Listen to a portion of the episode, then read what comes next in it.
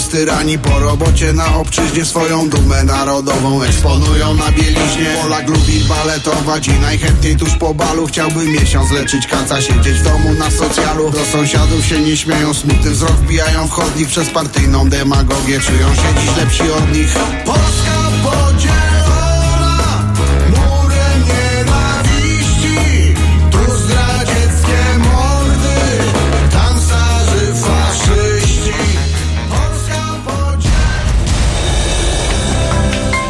Dzień dobry, dzień dobry, tu Weronika Korol. Co prawda dziś też na zastępstwie, ale będziemy rozmawiać m.in. o zdradach, o homofobii i o zachowaniach, e, które ja osobiście zaobserwowałam 11 listopada. Witam. Moim Państwa gościem jest psycholog Katarzyna e, Kuncewicz. Witaj, Kasiu. Dzień dobry. E, Tutaj od naszych słuchaczy słyszałam, że jesteś ulubionym psychologiem radia, więc od razu to zdradzę. O, bardzo mi miło. Obiecałyśmy sobie, że jak będziemy miały okazję, mm, poruszymy temat e, zdrady, nie tylko tej e, partnerskiej, ale też e, każdy z nas czasami, prawda, czuje się zdradzony, czy to przez swoich bliskich, czy, czy przez przyjaciół. Mm, Do twojego gabinetu na pewno trafiają też tacy pacjenci. Jak sobie z takim uczuciem zdrady, nie mówimy teraz o zdradzie partnerskiej, tak, tylko takim poczuliśmy się zdradzeni przez kogoś poradzić. Mhm. Ja zacznę od tego, że według badań CBOS-u około 42% e, Polaków ma za sobą doświadczenie e, zdrady. To znaczy nie, mm, nie tyle zdradziło, co e, ma wspomnienie, gdzieś ta zdrada mu się z czymś kojarzy, czyli tak jakby doświadczyliśmy zdrady. 42%, czyli prawie połowa z nas. Także jest to um, uczucie, jest to stan, który towarzyszy, który nie jest e, obcy em, wielu z nas. I e, poradzenie sobie ze zdradą rzeczywiście to jest proces, który długo trwa i mm, wszystko zależy od tego, jak, kto zdradził, kiedy zdradził, w jakich okolicznościach, ale co najważniejsze, jak zachowuje się po zdradzie. E, I to moim, e, w moim poczuciu, jako też terapeuty par jest kluczowe. To, e, i nie mówię tylko o parach, ale mówię także na przykład o zdradzie lojalności w przyjaźni. Albo o zdradzie między pracownikami w jakimś No właśnie, bo ta zdrada lojalności, przyjaźni często dużo bardziej boli, bo gdzieś tam się spodziewamy, że po iluś tam latach związku może nastąpić tak naprawdę ta chwila słabości, ten kryzys, ale od przyjaciół wymagamy trochę więcej. Tak, ludziom często się wydaje, że przyjaźń jest czymś takim świętym, jest czymś e, absolutnie niezniszczalnym e, i dlatego, kiedy zdradzi nas na przykład najlepszy przyjaciel, a tak się na, bardzo często dzieje e, przypuśćmy w, w sytuacjach, kiedy przyjaciele zakładają razem biznes. E, I wtedy e, do, do, takiej, e, do takiej sytuacji może dojść. Jest to bardzo e, krzywdzące, bolesne, no bo e, nasze zaufanie, ale także nasza wiara w to, że dobrze oszacowaliśmy sytuację, e, się kruszy. Więc bardzo często jest tak, że ta zdrada, zresztą nie tylko ta, bo w ogóle zdrada bardzo wpływa na samoocenę, na to, co my w ogóle o sobie myślimy w, takiej, w takim razie. Bo skoro ulokowaliśmy uczucia, przyjaźń, miłość e, w kimś, kto e, tak naprawdę tym, tego nie uszanował, to też to, się o nas świadczy.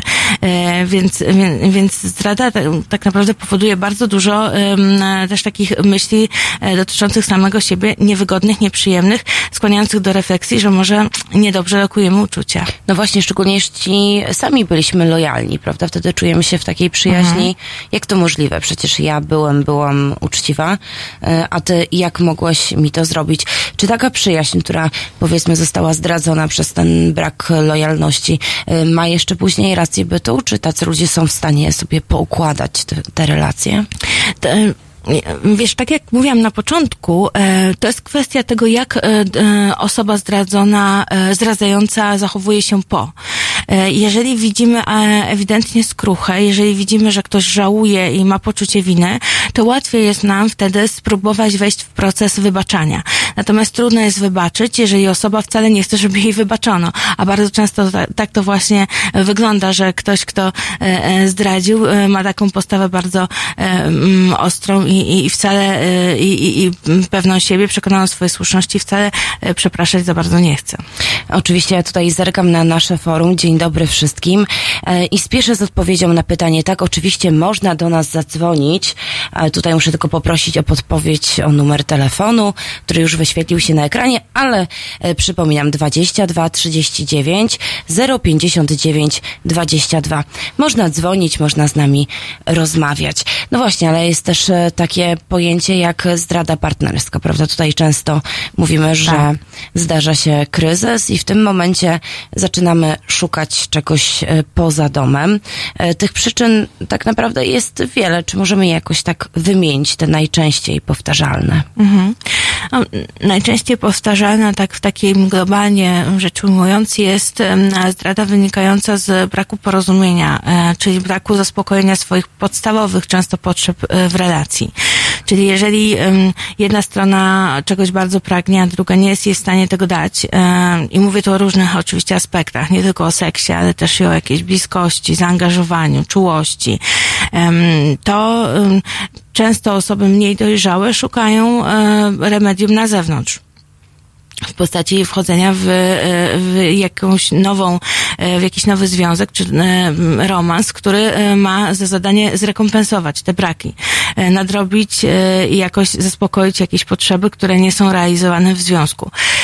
Oczywiście jest to próba wyjścia z sytuacji i niektórzy mówią wręcz, że zdrada sprawia, że mogą dalej funkcjonować w swoim małżeństwie, bo mają jakąś odskocznię. Niektórzy tłumaczą się, że zdrada to e, tak naprawdę jest ratowanie e, związku, co jest oczywiście nieprawdą, bo fakt, że czasami po zdradzie związek ulega pozytywnej transformacji, ale niemniej jest to uderzenie z całej, z całej siły w, e, w zaufanie, w relacje i często jest tak, że nawet jeżeli jest jednorazowa zdrada, będąca skokiem w bok, to związku już się nie da uratować.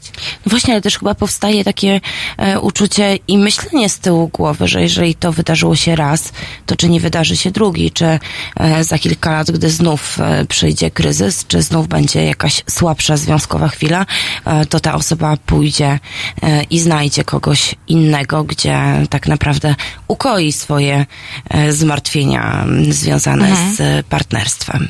No właśnie, bo to, no, bo to możemy się zastanawiać, czy i czasami pacjenci mnie pytają na przykład, em, czyli jest coś takiego jak gen zdrady, czyli że jeżeli już mąż mnie zdradził powiedzmy dwa razy, to czy zdradzi mnie po raz trzeci? To jest trudno, e, trudne do odpowiedzenia, bo zdrada wynika też z cech osobowości człowieka, bo ludzie e, w różny sposób zdradzają i różne sytuacje pchają ich do zdrady.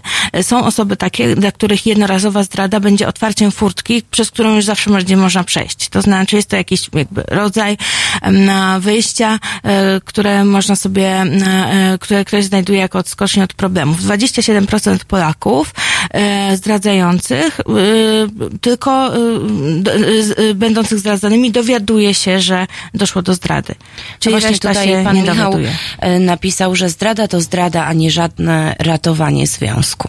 Oczywiście, dlatego że e, no, m, te argumenty... Czyli to tłumaczenie, że Tak. przez, e, przez to chciałam, chciałam uratować e, nasz związek jest zupełnie oderwane od rzeczywistości. Jest oderwane od rzeczywistości, jest próbą e, e, racjonalnego wyjaśnienia, em, dlaczego e, postąpiłam w taki sposób. E, oczywiście nie jest to racjonalne, to znaczy jest to tylko e, usprawiedliwianie się, bo w gruncie rzeczy e, jakby dla związku nie ma nic gorszego niż zdrada, e, bo e, zdrada uderza w fundamentalną wartość relacji, czyli w zaufanie i to zaufanie właśnie najtrudniej jest odbudować. Tutaj pan Michał, e, pan Marcin 88 em, wita nas z Katowic i zadaje pytanie, dlaczego po wielu latach e, przygodach, przyjaźni i założeniu biznesu e, dostaje się coś dziwnego do jednej z głów i, i zmienia się ona bardzo i zdradza. Czy to jest mocniejsze niż pieniądze, czy pieniądze nas tak zmieniają?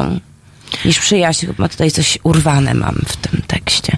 Ale domyślam się, że chodzi o to, że, czy w takiej relacji, kiedy przyjaźnimy się przez lata, przeżywamy wiele wspólnych chwil, czyli mamy pewność, że ta nasza przyjaźń jest e, bardzo mocna, dochodzi do takiej sytuacji, że gdy założyliśmy wspólny biznes, rzeczywiście te pieniądze nas tak zmieniają, że ja coś myślę- się nowego w głowie rodzi. Rzeczywiście coś w tym jest, że wspólne interesy, wspólne, e, wspólne robienie biznesu e, naprawdę e, jest bardzo e, takie niebezpieczne dla znajomości, dla, dla relacji. Tam, gdzie wchodzą w grę pieniądze, duże pieniądze albo w ogóle jakieś takie kwestie władzy, zależności, mm, to ludzie zachowują się czasami e, w sposób e, nieprzewidywalny dla nich. Dlatego ja raczej zawsze sceptycznie patrzę na e, przyjacielskie spółki, na, na, na, na przyjaciół, którzy razem założyli firmę, bo to rzeczywiście mm, e, jakby stre poziom stresu, jaki się ma prowadząc własny biznes, często sprawia, że odreagowanie jest na przyjacielu. I nawet nie chodzi już o to, o, o te skrajne sytuacje, kiedy przyjaciel okrada swojego przyjaciela, choć takich nie brakuje, ale... Ale też trudniej się rozstać, prawda, jeżeli jesteśmy w takiej przyjacielskiej spółce, tak nazwijmy. Tak. Dokładnie i trudno też stawiać granice, bo y, jeżeli jesteśmy y, z kimś w miarę obcym, to potrafimy jakoś komunikować się bardziej asertywnie, ale często z przyjacielem tych granic nie ma, dlatego że ciągle gadamy o, o naszym życiu prywatnym, o sobie gdzieś razem wyjeżdżamy, jesteśmy jak rodzina, a kiedy trzeba przejść do twardej rozmowy, do na przykład twardej negocjacji, czy do postawienia jakiegoś ultimatum, czy jakichś warunków dalszej współpracy, to nagle okazuje się, że my nie potrafimy być tacy surowi i zasadniczy, zasadniczy, no bo boimy się na przykład, że ktoś się na nas obrazi, a przecież mamy razem jechać na Sylwestra, no i jak to tak?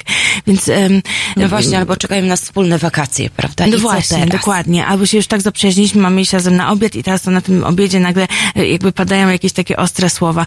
Więc, um, więc tutaj trzeba naprawdę bardzo dużej dojrzałości e, i też dojrzałości myślę, że nie tylko takiej życiowej, ale też i biznesowej, żeby potrafić oddzielić te dwie, dwie kwestie. Ja często swoim pacjentom którzy właśnie mają takie mm, spółki, zalecam e, mm, takie, mm, takie rozdzielenie, że w momencie, kiedy na przykład rozmawiacie o sprawach zawodowych, nie poruszajcie w ogóle prywaty na takich spotkaniach. Nie, jakby nie, nie rozmawiajcie... Bądźcie partnerami biznesowymi. Tak. E, zostawcie tą rozmowę o waszej relacji, czy tam o tym, o, o, o, o tych, tych kwestiach pobocznych na później. Natomiast na przykład, jeżeli rozmawiacie o pieniądzach, albo o tym, jak dalej poprowadzić biznes, to jednak skupcie się tylko na tym jednym wątku. No właśnie, proszę Państwa, ja jeszcze tylko przypomnę do nas numer telefonu, bo słyszymy się za chwilę po przerwie. 22 39 050 922. Jestem bardzo ciekawa, jakie Państwo mają doświadczenia związane ze zdradą, nie tylko tą partnerską, ale tą też na przykład przyjacielską.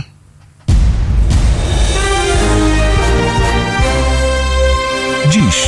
Między 17 a 19 Agnieszka Żądło da upust swojej reporterskiej pasji. 17-19. www.halo.radio. Słuchaj na żywo, a potem z podcastów.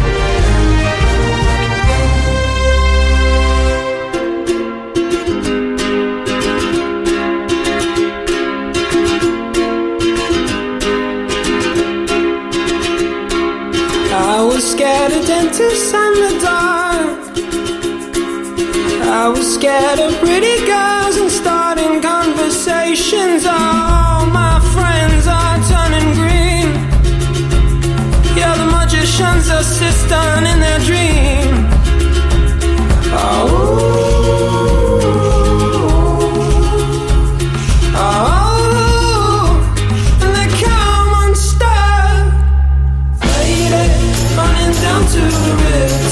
singing a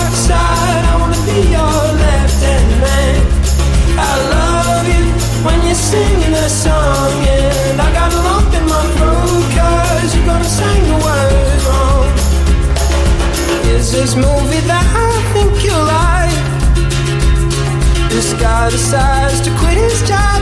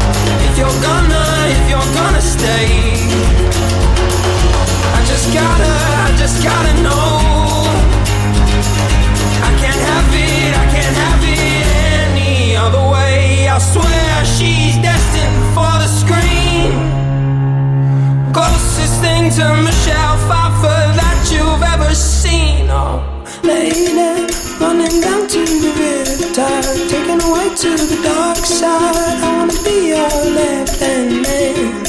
I love you when you sing that song, and I got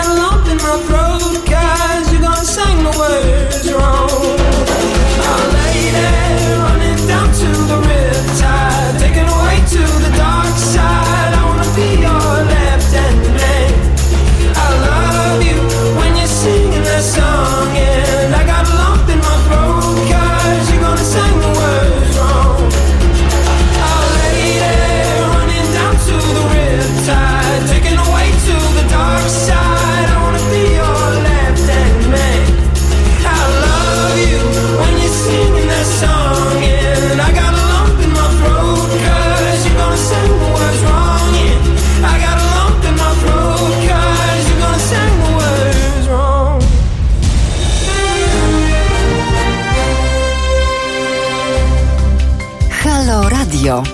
Pierwsze medium obywatelskie.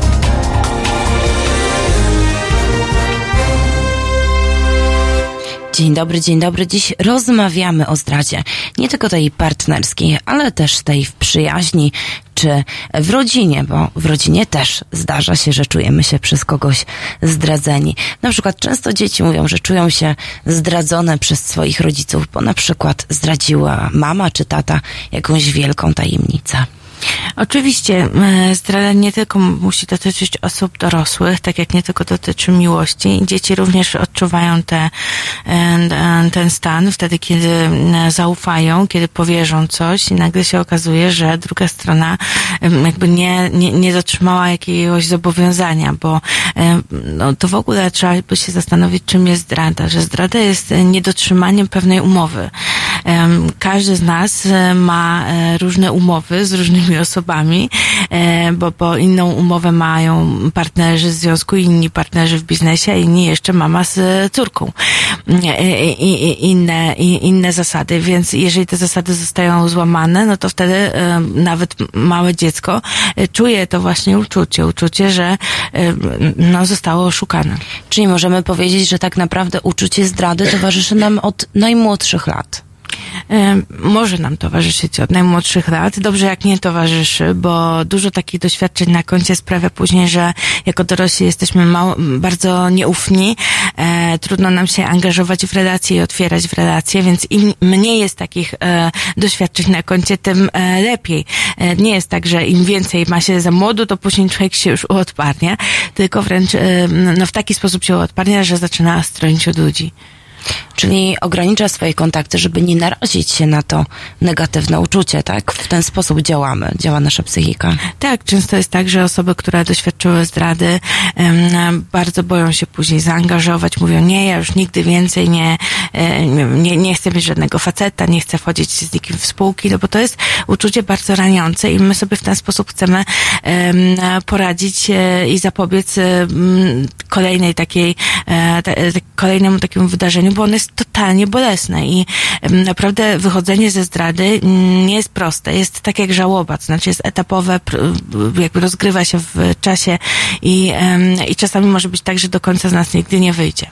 Zawsze zastanawiam się nad tym, e, która zdrada tak naprawdę boli bardziej. Czy e, zdrada, która jest związana tylko z czystą fizycznością, czyli jest to e, seks, czy jest to zdrada, która jest związana z emocjami, czyli ktoś zaangażował się w emocjonalną relację e, z drugą osobą. Tutaj chodzi mi o związki. Czy właśnie ta zdrada lojalnościowa, że mamy kogoś, komu tak naprawdę wręcz bezgranicznie ufamy. Przyjaciel, przyjaciółka. I tutaj nagle następuje taki zgrzyt. Ojejku, jednak nie jest to czyste uczucie. Rzeczywiście badania potwierdzają, że to, co pewnie też większość słuchaczy wie, że mężczyźni bardziej reagują e, nerwowo na zdradę fizyczną, kobiety na tą emocjonalną. Natomiast e, w praktyce e, jest tak, że wszystko zależy od człowieka, że czasami e, ta zdrada lojalności tylko związana z tym, że na przykład, znaczy tylko albo aż związana z tym, że na przykład ktoś mówi, wiesz, zakochałam się w kimś innym, nawet platonicznie, ale jeszcze nic nie doszło, może być też bardzo bolesna na przykład dla mężczyzny. Więc nie tylko musi dojść do, do jakiegoś zbliżenia. Czasami są osoby, które są notorycznie zdradzane, zdradzane po wiele razy, albo nawet wiele kilkaset razy, e, dowiadują się o tej e, sytuacji i jakoś w jakiś sposób są, są w stanie wybaczyć. To znaczy mają takie zasoby, czy mają takie mm, jakby mm, inne argumenty świadczące o tym, że e, wewnętrznie, że, że można zdradzić. Natomiast bywają też sytuacje, kiedy ktoś zostanie jednorazowo zdradzony, nie wiem, podczas wyjazdu integracyjnego i kiedy się o tym dowiaduje, jakby nie jest w stanie e, się postawić po, po, po takiej e, zdradzie i dalej kontynuować związku. Więc to bardzo zależy. Ja w swoim gabinecie oglądam różne historie, ponieważ zajmuję się bardzo dużo zdradami i oglądam różnych e, pacjentów i z, ze zdziwieniem przyglądam się temu, jak bardzo ludzie w różny sposób, mimo że jakby poziom miłości wydaje się podobny, ale reagują na zdradę i potrafią albo nie potrafią jej wybaczyć. No właśnie, bo wydaje mi się, że są takie osoby, które nawet jeśli zdecydują się na dalsze bycie razem, to nie będą potrafiły odciąć tych emocji. I wcześniej czy później ten nawet największe starania związkowe o to, aby jednak poukładać i zbudować to wszystko na nowo, bo po takiej zdradzie wiadomo, że trzeba wszystko zbudować, tak mhm. tak naprawdę nie będą e, miały racji bytu. Czy możemy na przykład e, wcześniej zorientować się, że akurat my nie jesteśmy osobami, które będą w stanie na tyle tą zdradę wybaczyć, żeby budować dalej? Czy, czy są jakieś, nie wiem, cechy charakteru, mhm. które o tym świadczą? To jest bardzo trudne pytanie, bo teoretycznie e, większość ludzi, kiedy się jej zapyta, czy byłaby w stanie wybaczyć zdradę, to odpowie, że chyba raczej nie. E, chyba, że się już takiego, takie doświadczenie miało ze sobą, wtedy wiadomo, że to nie jest takie czarno-białe, że większość z nas moim zdaniem jest w stanie wybaczyć zdradę, tylko mm, wszystko zależy od tego, jak, jak zachowuje się partner, który zdradził, bo jeżeli widzimy skruchę i jeżeli widzimy w kimś naprawdę żal, to no, łatwiej jest nam spróbować e, jakby dojść do porozumienia. Natomiast jeżeli mamy do czynienia z partnerem, który absolutnie nie czuje się winny i mówi na przykład, że zdradził dlatego, że przytyłaś, tak? To jest argument. Albo dlatego, Albo... że ty pchnęłaś mnie tak, do tak, tego, bo byłaś taka mnie, czy inna. Tak, byłaś taka czy inna, nie wiem, byłaś w połogu, byłaś w ciąży, cokolwiek jakby można wymyślić. Albo też, bo byłeś ciągle zapracowany, żeby tylko tak nie, nie mówić, że to mężczyźni zdradzają, bo kobiety też są nie, nie, wcale nie, e, nie gorsze. Nie lepsze, krótko oczywiście, mówiąc. Oczywiście, e, więc, e, przepraszam, więc, więc rzeczywiście to jest tak, że mm, mm, wszystko zależy od postawy e, i czasami te postawy są bardzo bezczelne i, i czasami e, postawa mm, partnera, który zdradził jest na tyle mm, jakby bezczelna i mało empatyczna, że chociażby się bardzo chciało, e, no to się nie da, no to się po prostu jakby wybaczyć nie da. Ja czasami widzę już po ludziach, kiedy przyjdą na jedno, dwa spotkania, czy ten związek już umarł, czy on jeszcze żyje. Bo czasami jest tak, że ludzie są tak strasznie straumatyzowani zdradą, że po prostu nie ma sensu ratować relacji. Ale na szczęście z reguły jest tak, że jeżeli oboje na przykład partnerzy trafiają już na terapię do mnie, to, to znaczy, że można coś uratować. No właśnie, ale mówisz, że po dwóch takich spotkaniach jesteś w stanie e, ocenić, czy ta zdrada zabiła e, tak naprawdę to uczucie, które między nimi było. Być może też już umarło wcześniej, prawda? Mhm. A ludzie byli e, razem tylko dlatego, że nie wiem, łączył ich kredyt dzieci i e, tysiące mm, innych spraw. Ale czy na przykład my sami, będąc e, we własnym domu, jesteśmy w stanie odpowiedzieć sobie na pytanie, czy może to już jest ten moment, gdzie powinniśmy odejść, zanim kogoś skrzywdzimy? Bo na przykład myślimy o tym, bo wiadomo, że jesteśmy tylko ludźmi. Mm, część z nas jest w różnych e, stałych związkach i mhm. zdarzają się te sytuacje, gdzie ojejku, no jestem z nią, z nim e, już od tylu lat kiedyś tak świetnie się bawiliśmy, rozumieliśmy, mhm. Mm, przeżywaliśmy różne przygody i w łóżku było lepiej i tych dzieci nie było, a tu się pojawia na horyzoncie ktoś nowy, ktoś, kto jest ciekawy, prawda? I się zastanawiamy, a co by było, gdybym zmienił, zmieniła swoje życie i mhm zaczęła się na przykład, czy zaczął spotykać z tą osobą? No właśnie, to jest też ciekawe pytanie, bo yy, ale odpowiem na nie w ten sposób, że rzeczywiście można zauważyć pewnego rodzaju sygnały ostrzegawcze świadczące o tym, że w związku, w związek wdarł się kryzys. Dlatego, że jeżeli my myślimy o innej osobie i mamy, no nie wiem, takie tendencje do podkochiwania się, nie wiem, w kolegach z pracy, czy w jakichś tam innych ludziach, czy nie, nie, nie umiemy skasować Tindera, którego, którego sobie założyliśmy, to prawdopodobnie oznacza, że coś jest nie tak, że e, coś jest nie tak w relacji. Nie, że potrzebujemy zdrady, tylko że coś się popsuło w związku. E, I, i to jest, e, to powinien być dla nas taki sygnał, taki czerwony alarm, że związek idzie w złą stronę, że coś się musiało zmienić, coś się musiało wydarzyć takiego, że jesteśmy, że, że, że się zaczynamy od siebie odsuwać. Natomiast wiele osób ma, ma takie poczucie, że zdrada jest jakby niejako niezależna od tego związku, czyli nie chcą ratować związku, tylko skupiają się na tym, czy zdradzić, czy nie zdradzić, jakby swoje uczucia lokują w, właśnie w, w refleksjach na ten temat, zamiast skupić się na tym, że w ogóle te myśli o zdradzie jakby pojawiają się zazwyczaj właśnie wtedy, kiedy jakiś jest deficyt, który trzeba byłoby naprawić. A co z flirtami? Bo bardzo często spotykam się u moich znajomych z taką argumentacją, że wiesz co, ja sobie tutaj flirtuję, tak pytam się, a cześć, fajny, fajna jesteś. I to tak naprawdę nie ma nic wspólnego z moim związkiem, bo to tylko podbudowuje moje własne e, ego, a to, że napiszę, że może kiedyś byśmy spotkali się na kawie, nie oznacza, że na tą kawę pójdę. Wszystko zależy właśnie, tak jak mówiłyśmy wcześniej, od reguł w związku. Jeżeli jakby nasze reguły zakładają, że pozwalamy sobie na tego typu zachowania i na flirty i druga strona nie ma z tym żadnego problemu, no to mm, nie widzę w tym nic złego. W ogóle takie mm, bycie kokieteryjnym, uwodzącym, flirtującym mm, nie musi oznaczać od razu. To jest tak jak zakładanie z krótkiej spódnicy. To nie oznacza od razu, że, y, że mamy jakieś zamiary.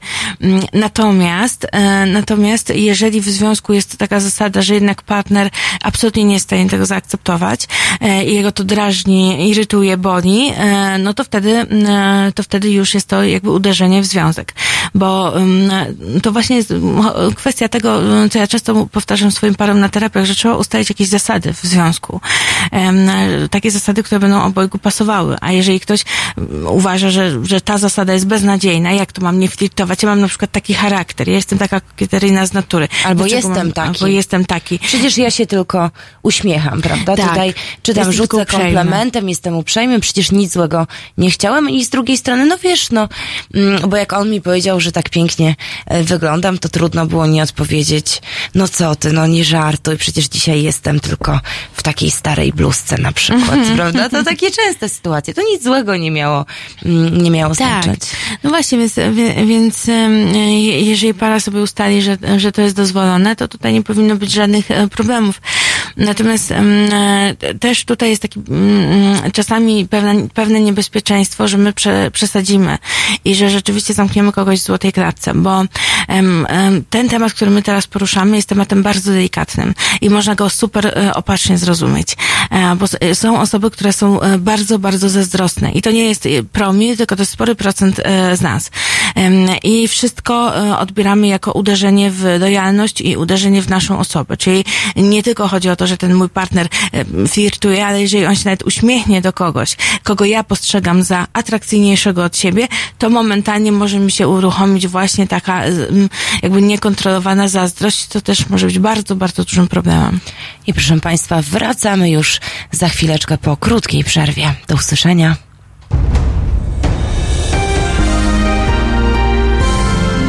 Poniedziałek od 21 do 23 telefony od państwa odbiera Jacek Zimnik. Rozmowa, dialog, zrozumienie i żadnej agresji. 21-23 www.halo.radio. Słuchaj na żywo, a potem z podcastów.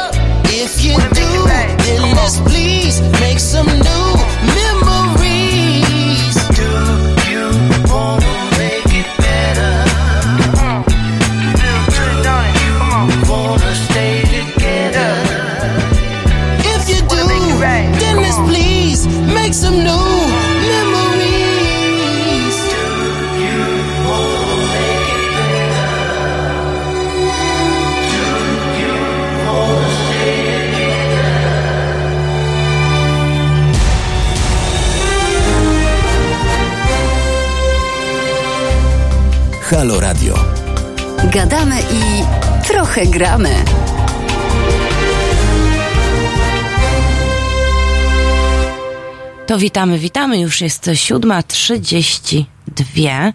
W przerwie poruszyłyśmy dość ciekawy temat. Opowiedziałam o sytuacji, gdy osoba, która zdradzała mm, i ta zdradzana dowiedziała się o tym, bo to była kobieta, że została zdradzona, odkryła to tak naprawdę, mm, to mężczyzna postanowił w ramach oczyszczenia sytuacji powiedzieć jej o wszystkich pozostałych zdradach. Mm, I ja wtedy zastanawiałam się nad tym, czy to miało pomóc e, tej kobiecie, czy raczej e, było egoistycznym działaniem, zrzuceniem z siebie e, ciężaru. Warto odpowiedzieć sobie na pytanie, czemu ma służyć poinformowanie kogoś, że został zdradzony. E, Czy ma to służyć ulepszeniu, polepszeniu tego związku, czy ma służyć temu, żeby nam się polepszyło samopoczucie, bo nosimy w sobie sekret i nie umiemy sobie z tym sekretem poradzić, czy z poczuciem winy, e, że, że tak, że tak e, nawaliliśmy w relacji. I często jest tak, że my rzeczywiście jakby robimy to dlatego, że chcemy pozbyć się ciężaru z barków, bo mamy wrażenie, że ilość zdrad na przykład nas przytłacza, więc e, decydujemy się właśnie pod pretekstem oczyszczenia atmosfery albo powiedzenia już wszystkiego, jakby e, Czy o- teraz opowiedzieć prawda i tylko prawda, tak. szczerość i tylko szczerość. I czasami jest to właśnie zabójstwo dla związku. I czasami jest tak, że e, druga strona już po takiej informacji nie jest w stanie e, przeżyć. Więc mm, ja mm, oczywiście nie mówię o tym, że należy zatajać e, takie informacje, ale e, im więcej szczegółów, tym gorzej. E, nie, nie jestem też zwolenniczką tego, żeby, a choć często kobiety proszą, powiedz mi szczegóły, gdzie, co i No jak. właśnie, bo to często kobiety mówią, no dobrze, Tak. to już odkryłam, nie wiem, mm, przetrzepałam twój telefon, zobaczyłam, że tutaj z nią Tak, że jest jakaś dziewczyna, Tak, SMS-owałeś, gdzieś. byliście gdzieś tam, e, kim ona jest, e, powiedz mi o niej wszystko, gdzie się poznaliście, Tak. co robiliście, gdzie byliście, kiedy byliście i, I to ze szczegółami. szukają Tak, do... tak. I czy to jest, no nie jest chyba dobre, bo im więcej tych szczegółów, tym gorsze samopoczucie, prawda? Większość kobiet chce wie- znać szczegóły bardzo dokładnie. W moim, moim zdaniem nie jest to dobre, dlatego że to nam tworzy jakiś taki obraz e, często w głowie, którego naprawdę trudno się pozbyć. Jeżeli znamy wszystkie szczegóły, to zaczyna nam się pojawiać obraz. Obraz, który nasz mózg zapamiętuje jako, tak jakbyśmy to widzieli, naprawdę. I, i jest to, jest to rzeczywiście bardzo trudne później do e, pozbycia się.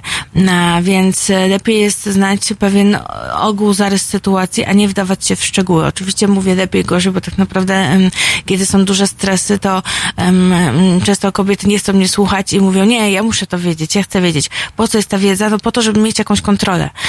Często ludzie myślą, że jeżeli się wszystkiego dowiedzą ze szczegółami, to będą mieć jakąś kontrolę, to sobie będą mogli wszystko poukładać i em, da im to jakieś poczucie bezpieczeństwa w tym, e, e, w tym całym chaosie, który ich spotkał. Ale nie jest to prawda, bo wcale nie jest tak, że jeżeli dowiadujemy się o wszystkich szczegółach, gdzie, co i jak było robione, to, e, to jest nam lżej, to jakoś możemy łatwiej zapomnieć, wręcz przeciwnie. To już się staje wtedy naszym takim flashbackiem, który, którego totalnie trudno, proszę mi wierzyć, się pozbyć. Więc ja myślę, że dobrze jest e, oczywiście wiedzieć, ale, ale bez szczegółów. Tutaj pan Kamil napisał do nas, że zdrada to jest odskocznia od monotonii. Tak, bywa to też argument, że ktoś się nudził, że ktoś się znudził, że ktoś się zniechęcił i że, i że zdrada miała być takim skokiem w bok. Czasami niektórzy też mówią, że ludzie zdradzają nie dlatego, żeby uderzyć w partnera i, i też się z tym zgadzam, to, to żeby samemu sobie coś dać. E, I rzeczywiście często jest tak, że zdrada nie wynika z, ze złośliwości, z tego, że chcemy komuś zrobić na złość, że chcemy utrzeć nosa na przykład tej naszej super atrakcyjnej partnerce, to ja ją zdradzę i zobaczę, jak to, e, jaka jest ładna, że wcale taka nie jest wyjątkowa. Nie, e, to nie są nasze motywacje. Znaczy motywacje do zdrady są, wynikają, są, wewnętrzne, czyli wynikają z tego, że ktoś mm, właśnie czuje nudę i chciałby coś zmienić, czuje, że chciałby spróbować jeszcze czegoś, doświadcza kryzysu, brzydko mówiąc, wieku średniego i, e, i, i- i, to, i to czasami jest taki argument świadczący o tym, że, że no, trzeba jeszcze czegoś w życiu doświadczyć. Jednym będzie, dla jednych będzie to sport ekstremalny, a dla drugich takim sportem ekstremalnym będzie zdrada. No właśnie, przygotowując się do naszej audycji, wpisałam sobie w internet e, czynniki świadczące o tym, że możesz być zdradzana. I wyskoczyły mi na przykład takie jak e, chowa telefon e, komórkowy, e, wychodzi częściej z domu pod różnymi pretekstami, mm, stał się bardziej czuły niż zwykle, zaczął o siebie dbać. I tak naprawdę, jak zaczęłam to czytać, tak spojrzałam i mówię, o rany, 99% można byłoby przypisać do takiego zwykłego, codziennego życia, bo na przykład, nie wiem, czuję się mm, nieatrakcyjna, więc y, czy przytyłam po zimie, więc zapisuję się na siłownię, czy to już by świadczyło, Mhm. zaczynam zdradzać, tak, albo do tej zdrady się szykuję, nie wiem, chowam telefon komórkowy, to oznacza, że tam mam coś do e, ukrycia, a, a może go tylko chowam po prostu, żeby nie leżał ciągle na tym stole, prawda? Więc można wpaść w taką paranoję. Więc gdzie znaleźć ten e, taki, no nie wiem, złoty środek tak naprawdę? Ja trochę obronię tych e, punktów, dlatego że mm, rzeczywiście, jeżeli e, dochodzi do zdrady, to te punkty, o których powiedziałaś, dzieją się wszystkie naraz. Czyli, że nie jest tak, że, że ktoś po prostu poszedł na siłownię, tylko poszedł na siłownię, e, nie wiem, wraca częściej z kwiatami, a telefon cały czas trzyma w kieszeni, nawet chodzi z nim do toalety, albo e, zamontował sobie jakiś nowy kod, że już nie, nie ma możliwości dostania się tam. I czasami jest tak, że rzeczywiście to jest szereg zachowań, które e, ludzie mi mówią, że czasami, że po czasie rzeczywiście już e, zaczynają łapać, że e, było kilka puzli, tylko oni nie umieli ich złożyć w jedną całość. Także ktoś na przykład mówi, że musi zostać wcześniej, albo nagle wyskakuje wyjazd służbowy w weekend. I, plus dodatkowo jeszcze takie właśnie numery. Teraz dużo zdrad rozgrywa się za pomocą sieci, czyli za pomocą smartfonów. I nie mówię tu tylko o tym, że zakładamy aplikacje randkowe i w ogóle poznajemy sobie kogoś, chociaż też, ale e, e, że często właśnie e, ludzie wpadają nie na tym, że na przykład przyłapują kogoś w kawiarni z kochankiem czy kochanką, tylko właśnie łapiemy telefon, a tam przychodzi jakaś wiadomość, czy jakieś zdjęcie, czy jakiś tam No właśnie, bo jest też nowe pojęcie, które nazywa się zdrada internetowa, prawda? Że Mhm. przez dłuższy czas ci ludzie tak naprawdę mogą nigdy w życiu nie spotkać się w świecie realnym, Tak. ale za to mają prowadzić bardzo ostrą taką e, dyskusję, wymianę tak, i, e, i tutaj pełną tak naprawdę pełną zdradę, chociaż bez tak. kontaktu e, fizycznego. Mm, Tak, i tutaj em, dla jednych osób będzie to po prostu zabawa jak czat, trochę jak em, masturbacja, bo to w zasadzie można by to pod to e, miejscami pod, e, podłożyć, natomiast dla innych osób będzie to już e, zdrada podobna do tej zdrady prawdziwej, e, fizycznej, e, takiej, gdzie jest kontakt e, face to face. Wszystko właśnie zależy od tego, jaką mamy umowę z partnerem. Są partnerzy, którzy na takie zachowania przystają i mówią, okej, nie mam nic, e, że, że oglądasz pornografię, nie mam nic, że, że, że, że gdzieś e, bawisz się w takie e, pisanie ze sobą, Mm, no ale warunkiem jest takim, że się z nikim nie spotykasz. Czasami pary umawiają się na takie, mm, mm, na, na, na, na, mają takie umowy, na przykład zwłaszcza kiedy li, poziom libido jednego i drugiego jest znacznie różny. E, to znaczy, jeżeli osoba na przykład mm, cierpi na jakiś rodzaj oziębłości, czy, czy w danym momencie życia nie ma ochoty, nie ma e, za wysokiego tego libido, no to wtedy para może się umówić, ale musi to być za zgodą. Nie może to być pod przymusem, że ktoś jest, czuje się po prostu zobligowany do tego, żeby na takie rzeczy pozwalać. A czy to nie powoduje, że ludzie oddalają się od siebie? Bo jeżeli zaangażuję się w internetową relację, to czy nie oddalam się od partnera, partnerki, którego mam w domu? W moim odczuciu tak. W moim odczuciu wszystkie wprowadzanie nowych osób między parę, e, e, czy to ma, ma, mówimy o, nie wiem, trójkątach, czy nawet poliamorii, czy otwieraniu związków. Ja wiem, że to się teraz, e, ludzie bardzo to lubią i, i to się bardzo często spotyka. Ja kiedyś byłam, otwierałam oczy ze zdumienia, jak to otwarty związek, a teraz to już mnie nic nie dziwi w zasadzie. Natomiast ja mam wrażenie, że to naprawdę zaburza więź i że tak często robią osoby, które mają problem z bliskością, taką prawdziwą, głęboką bliskością, że potrzebują ją rozdzielać na, na raty dla innych osób.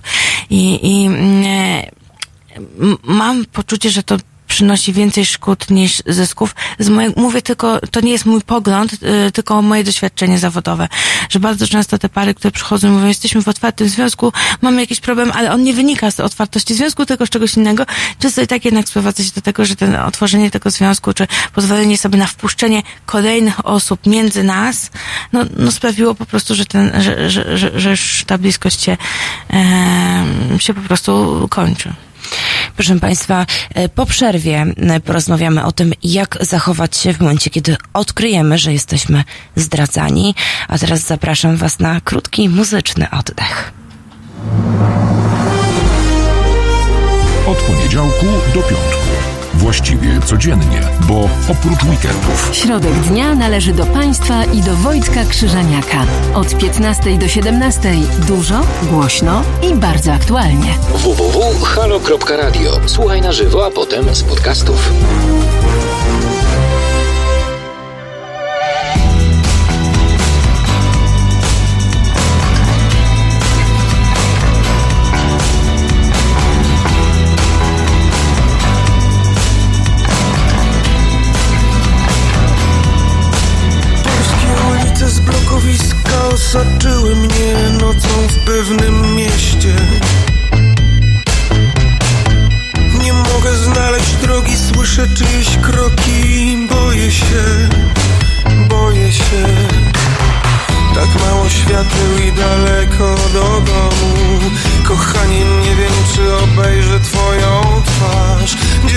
Się przygląda zamiast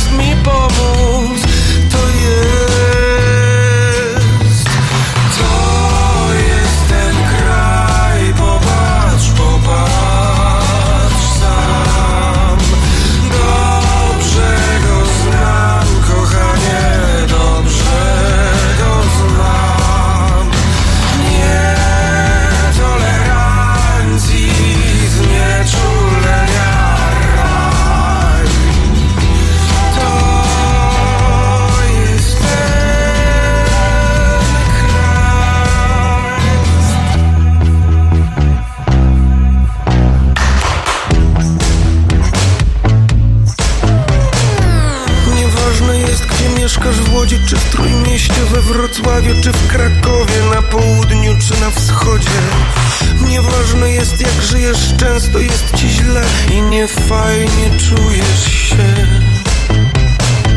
Ten ciężki ranek i to ciężkie powietrze Które przecież kochasz i którego nie chcesz Tu zimne słońce jest wymieszane z deszczem To jest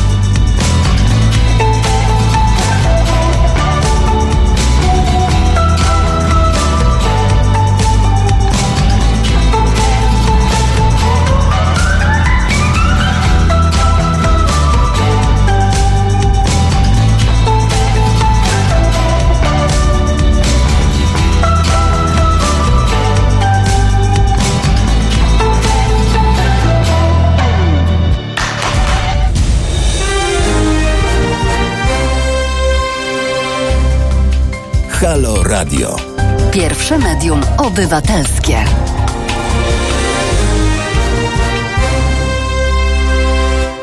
Witam serdecznie i zacznę od komentarza.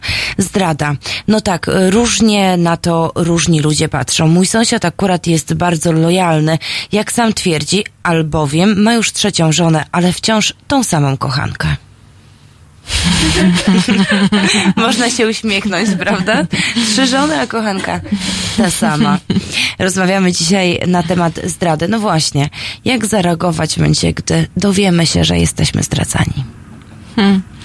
O, e, Bo te reakcje bywają różne, prawda? Zależą od też e, naszego e, temperamentu i czasami mogą lecieć e, talerze, a czasami będzie zupełna oziębłość i szok i cisza.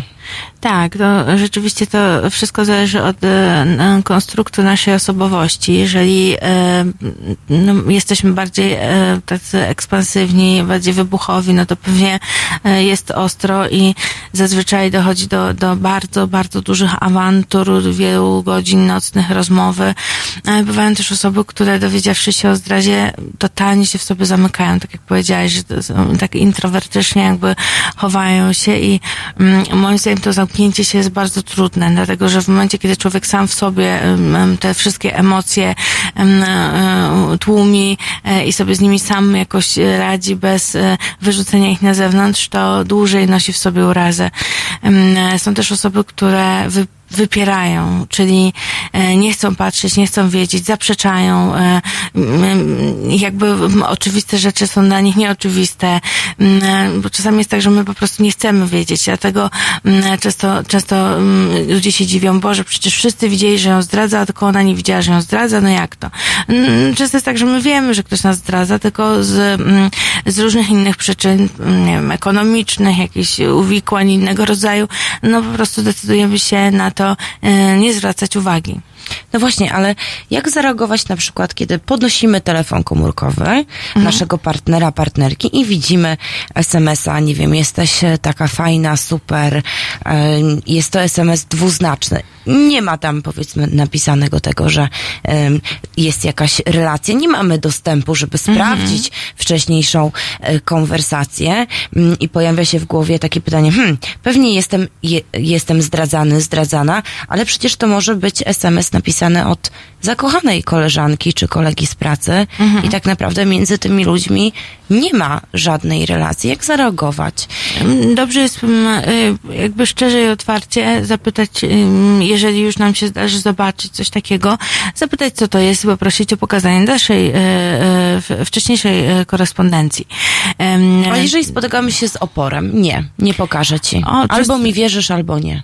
Często spotykamy się z oporem. No, natomiast, natomiast tutaj no, chodzi o, o, o to, że, że sam e, sygnał, taki SMS brzmi dosyć e, niejednoznacznie, w związku z czym mamy prawo e, oczekiwać co, jakby wyjaśnienia tej sytuacji. Jeżeli ktoś mówi, to nie twoja sprawa, to jest tylko koleżanka z pracy. mm, No ale to ja już ci wszystko wyjaśniłam, ja już ci wszystko wyjaśniłam, Tak. powiedziałam, powiedziałem ci, że nic mnie z tą osobą nie łączy, to dlaczego chcesz czytać wcześniejsze wiadomości? Przecież to jest bez sensu. Mhm. Bo to jest częsta odpowiedź, prawda? Przecież ja już wszystko powiedziałem, powiedziałam. E, oczywiście, mało tego, nawet jeżeli dojdzie do, naprawdę do zdrady i ktoś nie, nie tyle znajdzie takie niejednoznaczne e, komunikaty, tylko nie wiem, na przykład zdjęcie, nie wiem, nagiej koleżanki z pracy na przykład i też nie chcę pokazywać korespondencji. E, więc e, ja mimo wszystko zachęcam do tego, żeby jednak e, uparcie e, jakby mm, forsować i sprawdzić, co i i wspólnie usiąść, nie, że się wkraść do telefonu, kiedy ktoś, nie wiem, idzie pod prysznic, tylko, e, tylko po prostu em, razem wspólnie zobaczyć, co, e, co to było. E, dlatego, że najczęściej jest tak, że właśnie zdradę w ten sposób odkrywamy i, i, i dobrze jest postawić wtedy sprawę jasno. Jeżeli ktoś mówi, że nie i przerzuca na nas odpowiedzialność, mówi, ty to jesteś jakaś nadwrażliwa, bez przesady, nie można sobie popisać SMS-ów, jak ktoś się zaczyna jakoś bardzo bulwersować, no to, no to też, też jest niepokojące dla mnie e, zachowanie i tym bardziej warto, e, warto się dowiedzieć. Jeżeli chodzi o zdradę, to e, tutaj nie obowiązują, kiedy mamy małżeństwo na przykład i dochodzi do zdrady, to, to przestaje, to prywatność trochę zmienia swoje oblicze. To znaczy, i to może jest kontrowersyjne, to co ja teraz mówię, no ale tak powinno być, że w momencie, kiedy ja zostaję zdradzona, to mm, zasadą powinno być w związku, zasada taka, że mamy dostęp do e, Facebooka, do, do, do różnego rodzaju komunikatorów, e, mamy prawo zobaczyć, co ktoś ma na telefonie, kiedy tylko chcemy, mamy prawo wejść na maila, e, mamy prawo wejść e, na konto. Ja nie mówię, że sami, kiedy ktoś jest w pracy, ale w, obecności tej drugiej osoby mm, i mamy prawo też znać hasło do jej telefonu. Tutaj chodzi o to, żeby ta druga strona wiedziała, mogła wybudować to poczucie bezpieczeństwa. Ale przecież można wszystko wykasować. W tej chwili mamy takie narzędzia, że Niby e, można. pojawiające się mm, informacje czy wiadomości w komunikatorach e, na przykład Oczywiście. są czynne tylko przez określoną e, liczbę sekund. Czyli na Oczywiście przykład są. czekając aż nasz partner czy partnerka e, wróci do domu i, i wtedy wspólnie zajrzymy do tego komputera czy telefonu, to może być tak naprawdę za późno, a relacja może toczyć się dalej. No, oczywiście, no, są też takie aplikacje, które w ogóle są niewidoczne na przykład i nawet nie widać, że ktoś ma taką aplikację, a tym bardziej coś mu na nią przyszło. E, więc e, natomiast jakby to nie zmienia faktu, że jednak e, ludzie wpadają na tych telefonach, że, e, e, że jednak jedna trzecia osób zdradzających wpada właśnie mimo, mimo kasowania, to to bardzo często jest tak, że jednak no, jakby wpada się na, na zdradzie prędzej czy później. Kłamstwo, jak to się mówi, ma krótkie nogi i rzeczywiście mm, często ludzie mimo prób zatajenia i tak się dowiadują. Czasami mm, te informacje są bardzo przypadkowe, tak? Miałam pacjentkę, która dowiedziała się o zdradzie swojego męża, bo kot strącił telefon i ten telefon się jakoś tak zaświecił niefortunnie akurat, kiedy przyszedł SMS i gdyby nie ten kot, to ona by może w ogóle do dziś nie wiedziała, że została zdradzona.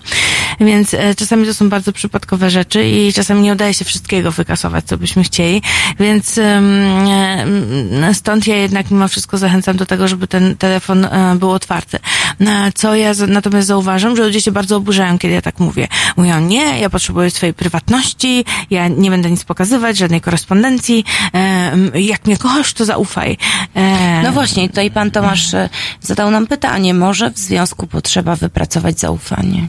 Mm, tak, ale jeżeli, ale zdrada jest uderzeniem takim naprawdę mocnym... Właśnie w to zaufanie, prawda? E, Tak, to jest taka mocna bomba na zaufanie i tego zaufania po zdradzie nie ma. To nie ma co się łudzić. To, to jest zero wtedy zaufania, tak? Człowiek mm, nie ma takiej osoby, która ufa po, po zdradzie.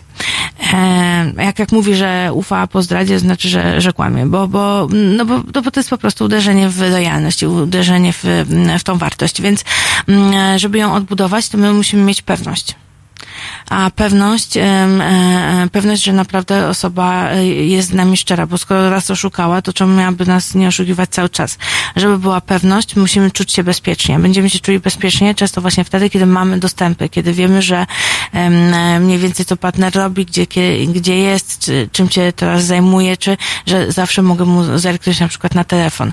E, I oczywiście to nie chodzi o to, żeby do końca życia być na czyjejś smyczy i e, cały czas, żeby ktoś miał dostęp do naszych SMS-ów, bo ja wiem, że to jest bardzo niekomfortowe i to jest takie No uderzenie właśnie, w ale kiedy wyznaczyć tą granicę, że już był ten dostęp, powiedzmy, że zgodziliśmy się na to, tak, dla dobra naszego związku, był ten dostęp i kiedy postawić kreskę, słuchaj, już koniec. Ona się sama zaciera, to znaczy ona sama, e, ludzie po czasie e, sami odpuszczają e, to sprawdzanie. I ja to widzę po swoich pacjentach, że, że te, osoby, które tak usilnie sprawdzały wszystkie komunikatory po kilku miesiącach już, już, już przestają, już ten, już nie zwracają uwagi na ten telefon, już, ale też osoba, która nie zdradza, e, nie ma takich tendencji do ukrywania. To znaczy, e, tak jak na przykład pacjentki mi opowiadają, wie pani, jak mąż mnie zdradzał, to zawsze chodził z tym telefonem wszędzie w kieszeni, albo kładł go e, tak, że ja nie mogłam się w ogóle do niego jakby dostać, natomiast teraz potrafi, nie wiem, zostawić go na stole i sobie gdzieś wyjść na dwie godziny, na przykład, nie wiem, po, pobiegać, co kiedyś było nie do,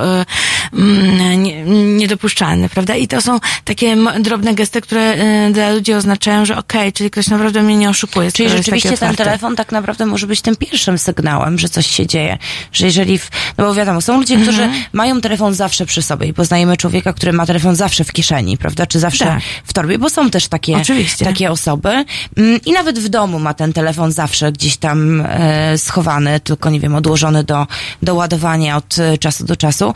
E, jeżeli to się zmieniło, tak, to może być to pierwszy sygnał do tego, że coś się dzieje. Tak, jeżeli ktoś e, zawsze miał takie tendencje do chowania się w tym swoim telefonie, na przykład grania, no to, to, to, to po prostu robi to cały czas. Ale jeżeli ktoś był super otwarty, zawsze telefon leżał na stole i, i nagle ten telefon ląduje e, gdzieś w kieszeni, no to e, przy połączeniu też z innymi Albo wychodząc na, na taras y, na um, papierosa, tak wraca się koniecznie po telefon. Czy do toalety na Czy do toalety, nie daj Boże, żeby nie został na stoliku, tak? To tutaj Tak. już czerwona lampka, uważamy, uważamy, coś się dzieje. Warto wtedy być ostrożnym. Mm, Proszę Państwa, słyszymy się po przerwie, tylko przypomnę nasz numer 22 39 059 22. Jestem ciekawa, jakie Państwo mają doświadczenia.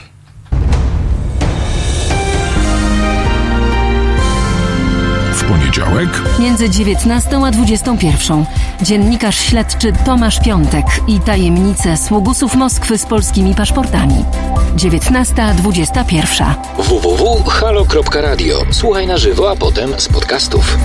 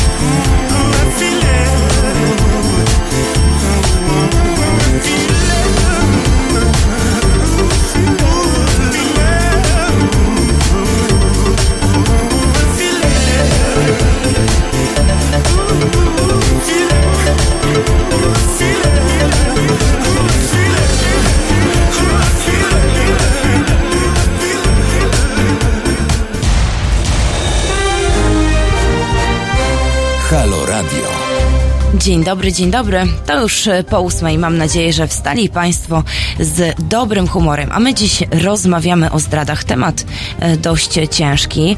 Podobno kobiety zdradę wyczuwają. I o tym już za chwilę.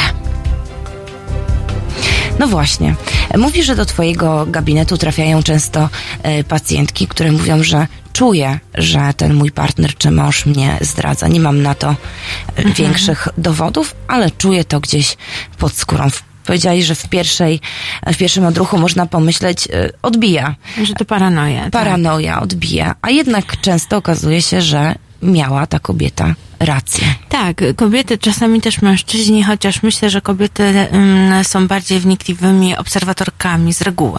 Ale mężczyźni też czasami um, przychodzą mówiąc o tym, że teoretycznie nic się nie dzieje e, i wszystko wygląda niby po staremu, ale gdzieś czujemy, że coś jest na rzeczy, że nie jesteśmy do końca dobrze traktowani. E, tu prawdopodobnie jest jakieś kłamstwo, wisi w powietrzu. I nierzadko okazuje się, ja też, kiedy, kiedy zaczynałam swoją, e, swoją pracę terapeutyczną, to mój moja pierwsza myśl zawsze była taka, że to są paranoiczne chyba e, jakieś przekonania. Natomiast mm, z biegiem czasu y, już dzisiaj zauważam, że nierzadko jest tak, że osoba rzeczywiście intuicyjnie mm, czuje, e, bo rozpoznaje tak zwane mikrogesty, czyli takie drobne gesty świadczące o tym, że następuje rzeczywiście jakaś zmiana w partnerze bądź partnerce. Mm, Zmiana, która może być niewidoczna gołym okiem dla postronnej osoby, natomiast która jest dosyć jasna i klarowna dla kogoś, z kim się żyje. I, e, i często to są, to są takie na przykład, tak jak rozmawiałyśmy w przerwie, że to może ktoś się nagle wyprostuje, kiedy zabieramy jego telefon, czy, czy że odkłada ten telefon e, ekranem do, e, e, do blatu, a nie, a nie tak na A wcześniej widoku. tego nigdy nie A robił. wcześniej nigdy tego nie robił. I to jest zbiór różnych zachowań. Nie, nie mówię, że to jest tylko jednorazowe zachowanie, tylko to jest zbiór różnych zachowań świadczących o jakiejś zmianie.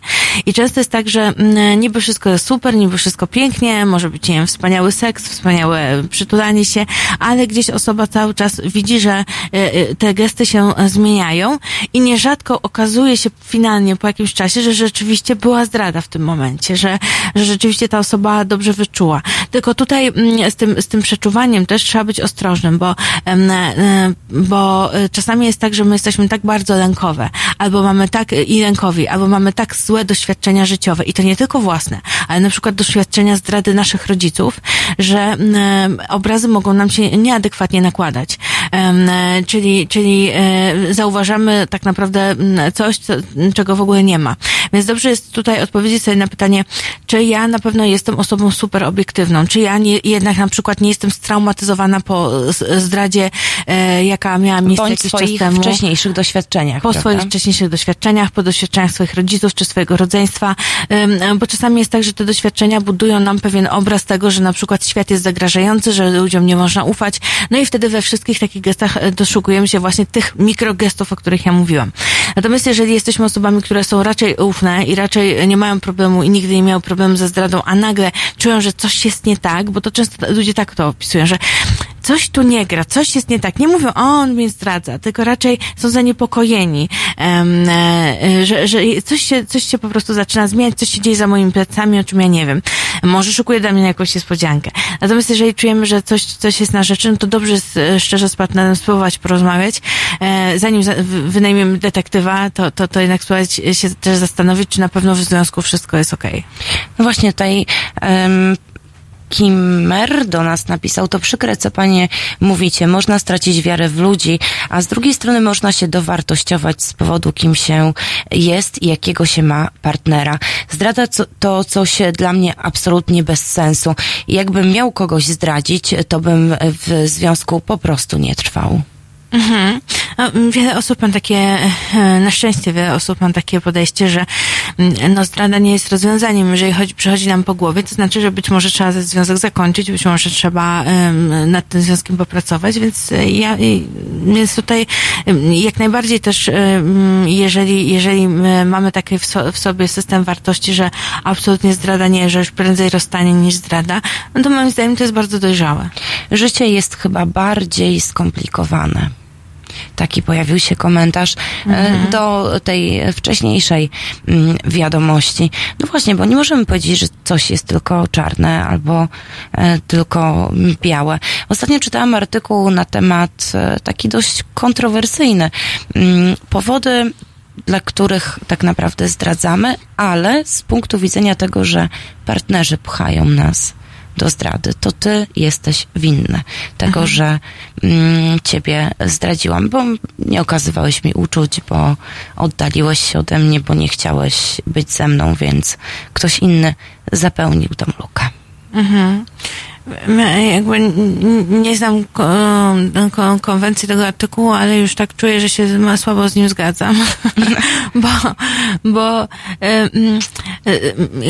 jest rzeczywiście w pewnych ludziach taka tendencja do tego, żeby jakby szukać winy w partnerze. Natomiast jeżeli my w ten sposób patrzymy na zdradę, że ktoś nas wepchnął w czyjeś ramiona, oj, to, to niedobrze, bo to, to znaczy, że jakby nasza tożsamość, nasze ja y, jest takie, powiedziałabym, dosyć niedojrzałe, delikatnie mówiąc, bo mm, nie jest tak, że, że partnerka na przykład, jeżeli odmawia nam, czy jeżeli jest, y, jest zupełnie zamknięta na nas, to, to, to, jest, y, to, to, jest, to, to jest pchanie kogoś do zdrady, bo każdy człowiek ma swój własny rozum i każdy człowiek się kieruje swoimi wartościami.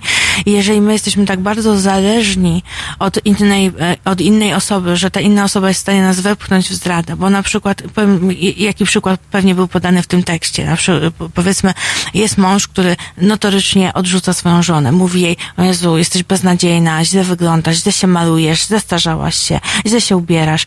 I, i taka kobieta pod, poznaje mężczyznę, który jest, który jest nią oczarowany i wpada w jego ramiona, no bo tamto ją tak odrzucał. Ale jeżeli my, mm, e, i ona się czuła taka gorsza i teraz się wreszcie czuje lepsza, ale jeżeli my uzależniamy swoje poczucie własnej wartości od tego, co nam mówi mąż, to znaczy, że my mamy ze sobą problem, bo związek nie powinien być fuzyjny. Czyli związek nie powinien być e, e, takim układem zależnościowym, że jeżeli, e, nie wiem, on jest, e, on mnie skrytykuje, to ja mam zły humor i, i ja się czuję beznadziejna. E, czyli jeżeli on, e, e, nie wiem, mnie pochwali, to ja się czuję, że wreszcie coś znaczę. Jeżeli mamy taką zależność w związku, to znaczy, że to jest toksyczne, że trzeba byłoby się trochę zróżnicować. Tutaj pojawił się też komentarz, że jeśli więź jest e, tak silna i długa, e, to nie rzucamy tego wszystkiego po jednej zdradzie, tylko jednak dajemy szansę. E, czasami jest też tak, że e, ktoś bardziej chce wybaczyć, niż żeby mu wybaczono. Więc jeżeli, e, jeżeli ta druga szansa miałaby nastąpić, no to tylko wtedy, kiedy dwie strony są gotowe pracować nad związkiem. Ale jeżeli tylko jedna, czyli ta, która chce wybaczyć, jest gotowa wybaczyć, a ta, która zawiniła, tutaj rękoma i nogami się przed tym broni, na przykład zrzucając całą odpowiedzialność na kogoś, no to, no to wtedy to już może być gorzej. Tutaj pojawił się też komentarz, że mój tata kiedyś mi powiedział w czasach mm, młodzieńczych cierpień związanych z rozstaniami, tylko pamiętaj, jak wazon się stłucze, to można go posklejać, ale rysa zostanie i miał rację. To, to jest trochę związane, e, to, to, to, mm, co ktoś napisał, jest związane właśnie z tym, że nie każdy człowiek jest w stanie przebaczyć um, zdradę do końca. Są osoby, które, i znam takie osoby, które mm, wybaczały wielokrotnie i, e, i może być osoba, do której chociażby jedna, jedna zdrada będzie już rysą, której, o której się nie zapomni. Um, to um, często też e, oczywiście można nad tym pracować w terapii, dlaczego tak jest, że my mm, nie jesteśmy w stanie zupełnie tutaj, mm, tak, mamy takie sztywne podejście do zdrady, bo często jest to związane z, na przykład z, z fatalnymi doświadczeniami z przeszłości, czyli ktoś na przykład widział, jak matka zdradza, czy uczestniczył na przykład w zdradzie swojego ojca w taki sposób, że ukrywał przed mamą to, że tata y, idzie z jakąś inną panią. E, I takie osoby, które mają takie traumy jeszcze z dzieciństwa, dla nich zdrada często to będzie właśnie taka rysa, która się już nie zagoi.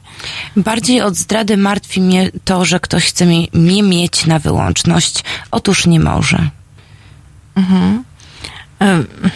To jest też jeszcze inny temat tej właśnie takiej fuzyjności, czyli tego, że, że są osoby, które wchodzą w związek i, chcą się połączyć dosłownie z kimś, tak się z nim zlepić i e, to może być bardzo duszące dla związku, a gro związków ma taką tendencję do fuzji, czyli do, do takiego zlewania się e, jak dwie świeczki w jeden wosk. I to, to nie jest nic e, dobrego, bo jak się ludzie nie różnicują, to, to tracą wszystko, znaczy tracą jakieś swoje poczucie ja, odrębności, e, często namiętność, e, jakby mm, związek zaczyna się bardzo często wtedy psuć. E, I, i, i, i, dlatego, i dlatego pewnie taki komentarz, że, że ta wyłączność jest czymś naprawdę nie, niezdrowym. Ja też tak uważam. Uważam, że dobrze jest się różnicować, dobrze jest mieć swoje hobby. Popieram coś takiego jak wyjazdy, każdy, każdy jedzie sam na wakacje, dlatego, że jak się ludzie różnicują, to są cały czas dla siebie atrakcyjni. A jak się wylewa, zlewają w jedno i moje na przykład samopoczucie, czy moja wartość zależy od tego, jak się czuje mój partner, no to słabo. No właśnie, bo często w związkach zdarza się coś takiego, że jeżeli ona czy on jest smutny, to e, ta druga strona też, też, jest, smutna. też jest smutna. Dlaczego jesteś e, smutny? Smutna, bo mój partner, partnerka jest smutna. Tak, i to, to, to może rzeczywiście być e, zabójstwem dla związku. W dłuższej e, perspektywie właśnie doprowadzać do zdrady. Proszę Państwa, wracamy po e, muzycznej przerwie mm, i oczywiście pytamy o to, jakie macie doświadczenia związane ze zdradą.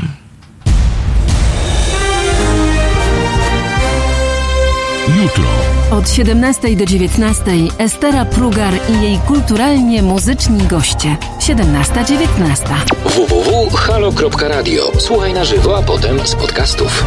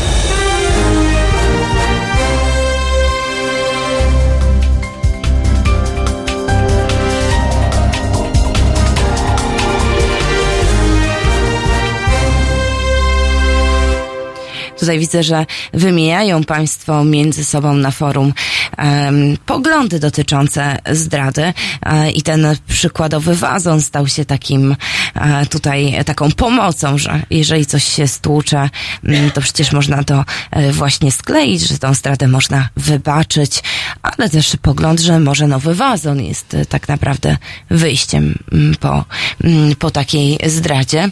Mówią Państwo, że jeżeli ktoś chce zapomnieć o zdradzie, to aby udać się również na e, terapię. No właśnie, jest wiele dróg, prawda, które Mhm. mogą sprawić, że e, poczujemy się e, lepiej. Ale myślę, że warto rozszerzyć ten związek tą fuzję w związku, bo Mhm. e, poruszyłaś taki temat, że często uzależniamy swoje samopoczucie od e, Tak. partnera, partnerki i że jeżeli nie otrzymujemy komplementu, czy jeżeli e, nasz partner, partnerka nie jest w danej chwili mm, radosna, to my też jesteśmy smutni. Mm, Mówisz, że dobrze jest różnicować siebie. Ale ja spotkałam się z takimi zachowaniami, że w momencie, kiedy na przykład jedno w związku jest smutne mm, i oczywiście partner czy partnerka ma mm, wiedzę na temat e, co powoduje ten smutek, ale jednak jest wesoły, wesoła, szczęśliwy mm, i nie działa to na niego e, tak destrukcyjnie, że też powoduje doła, e, to ten partner, partnerką mówi, jak ty możesz teraz się cieszyć, skoro ja tak cierpię. Mhm.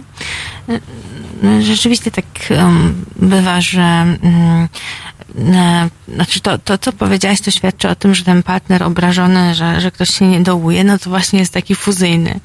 E, czyli z lekko zatraconą swoją e, taką tożsamością. I to, e, to, to się, m, ta, ta fuzyjność też przejawia się w tym, że my mm, później na przykład, kiedy dochodzi do zdrady, nie jesteśmy w stanie w ogóle jakoś tak adekwatnie zareagować. Czyli na przykład, kiedy widać, że związek się kończy, nie umiemy odejść zupełnie, bo mówimy nie, jak on ode mnie odejdzie, na przykład mówi zdradzona kobieta, to ja się zabiję. Czy mężczyźni Moje życie mówią, się skończy. Tak, to ja uderzę samochodem w drzewo, nie będę tego tolerował, że ona ode mnie odchodzi. Jeżeli ktoś ma taki komunikat, no to często oznacza, że związek tak naprawdę powinien się skończyć, bo bardzo toksy- toksyczne. Jakby tak, jeżeli mamy takie przekonanie, że my nie istniejemy bez partnera, że jakby się ten partner nagle w powietrzu, to byśmy, nie wiem, zwariowali i nie, nie, nie, nie, nie przeżyli tego, to oznacza, że coś jest nie tak. Że coś jest nie tak, że jest fuzja, że, mm, e, że to nie jest zdrowa relacja, dojrzała, zdrowa A czy z relacja. takiej fuzji możemy wyjść? Bo na przykład e, czasami się zapędzamy, prawda? Bo tutaj, e, no wiadomo, poznajemy siebie, każdy egzystował idealnie osobno. Potem mamy ten moment zachłyśnięcia się daną relacją, nie widzimy możliwości nawet spędzenia sekundy wolnego czasu bez tej ukochanej osoby. Mm, Potem to albo się rozchodzi, albo dalej tkwimy, jak takie, ja to tak nazywam, takie dwie ciepłe kluchy na kanapie, e, które nie są w stanie mm, wyjść na spacer oddzielnie, bo jeżeli przecież ona czy on wyjdzie, to po prostu mój świat tutaj legnie w gruzach i tylko będę sprawdzać co chwilę telefon, ile czasu już minęło, czemu ona od tej koleżanki, czy on od tego kolegi jeszcze nie wrócił. Mm, Czy nawet jak już się zapędzimy w tą fuzję, że jesteśmy od siebie tak bardzo zależni emocjonalnie, to czy możemy z tego wyjść? Tak, e, właśnie receptą na, na fuzję jest różnicowanie, czyli takie mm, e, jakby krok po kroku odsuwanie się od siebie, ale nie odsuwanie się emocjonalne, tylko odsuwanie się na, w takim sensie, że jakby zajęcie się sobą, e, zorganizowanie swojej przestrzeni, zadbanie o własne ja, o własne granice, o własne potrzeby. Nie tylko realizowanie potrzeb partnera, e, czy potrzeb związkowych, ale też i własnych. Czyli powrót do na swoich przykład powiedzenie, zainteresowań. słuchaj, zapędziliśmy się w tym naszym byciu. Zatraciliśmy siebie, Zatraciliśmy tak. siebie. Tak, trzeba do e, siebie I to, wrócić. że chciałbym, chciałabym realizować swoje pasje, czy, czy jakieś inne rzeczy, robić coś bez ciebie, nie oznacza, że ciebie już nie Dokładnie. kocham. Czyli dać tą informację, tak? Tak, I, i dokładnie tak jak mówisz, e, często osoby boją się, że e, różnicowanie sprawi, że się od siebie oddalimy, że to oznacza, że już siebie nie kochamy, a to nie jest prawda, bo tak naprawdę różnicując się, my się zbliżamy emocjonalnie do partnera, tylko w sposób dojrzały i dorosły, e, nie w taki sposób właśnie dziecięcy. Czyli jak się różnicować? Mm, wracając właśnie do swoich, e, do swoich pasji, do, do swoich przyjaciół, których zaniedbaliśmy, do swoich aktywności, które kiedyś robiliśmy, a, a, e, przez związek przestaliśmy, Em, e, rozpoznając swoje indywidualne potrzeby, e, też ucząc się tego, że my jesteśmy tak naprawdę w pewnym sensie potrafimy być samowystarczalni. Oczywiście nie chodzi o to, żeby być samowystarczalnym, bo, bo fajnie jest mieć partnera i z nim realizować różne rzeczy, oczywiście. Natomiast chodzi o to, żebyśmy potrafili być sami. Bo człowiek, który potrafi być sam i potrafi sam o siebie zadbać, potrafi, zazwyczaj jest świetnym partnerem w związku. Natomiast ktoś, kto absolutnie nie jest, e, nie wytrzyma bez supportu drugiej strony e, i bez e, miłości i bez związku, to takie osoby zazwyczaj tworzą relacje toksyczne, czyli bardzo zależnościowe, bardzo uwikłane, bardzo męczące i takie, z których często druga strona ma chęć uciec. No, często właśnie w zdradę.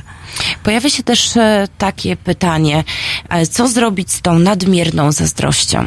Bo e, wiadomo, że są ludzie, którzy tak naprawdę swojego partnera wręcz nie są zazdrośni. To wynika z różnych e, względów, ale są też takie związki, w których panuje ta nadmierna zazdrość.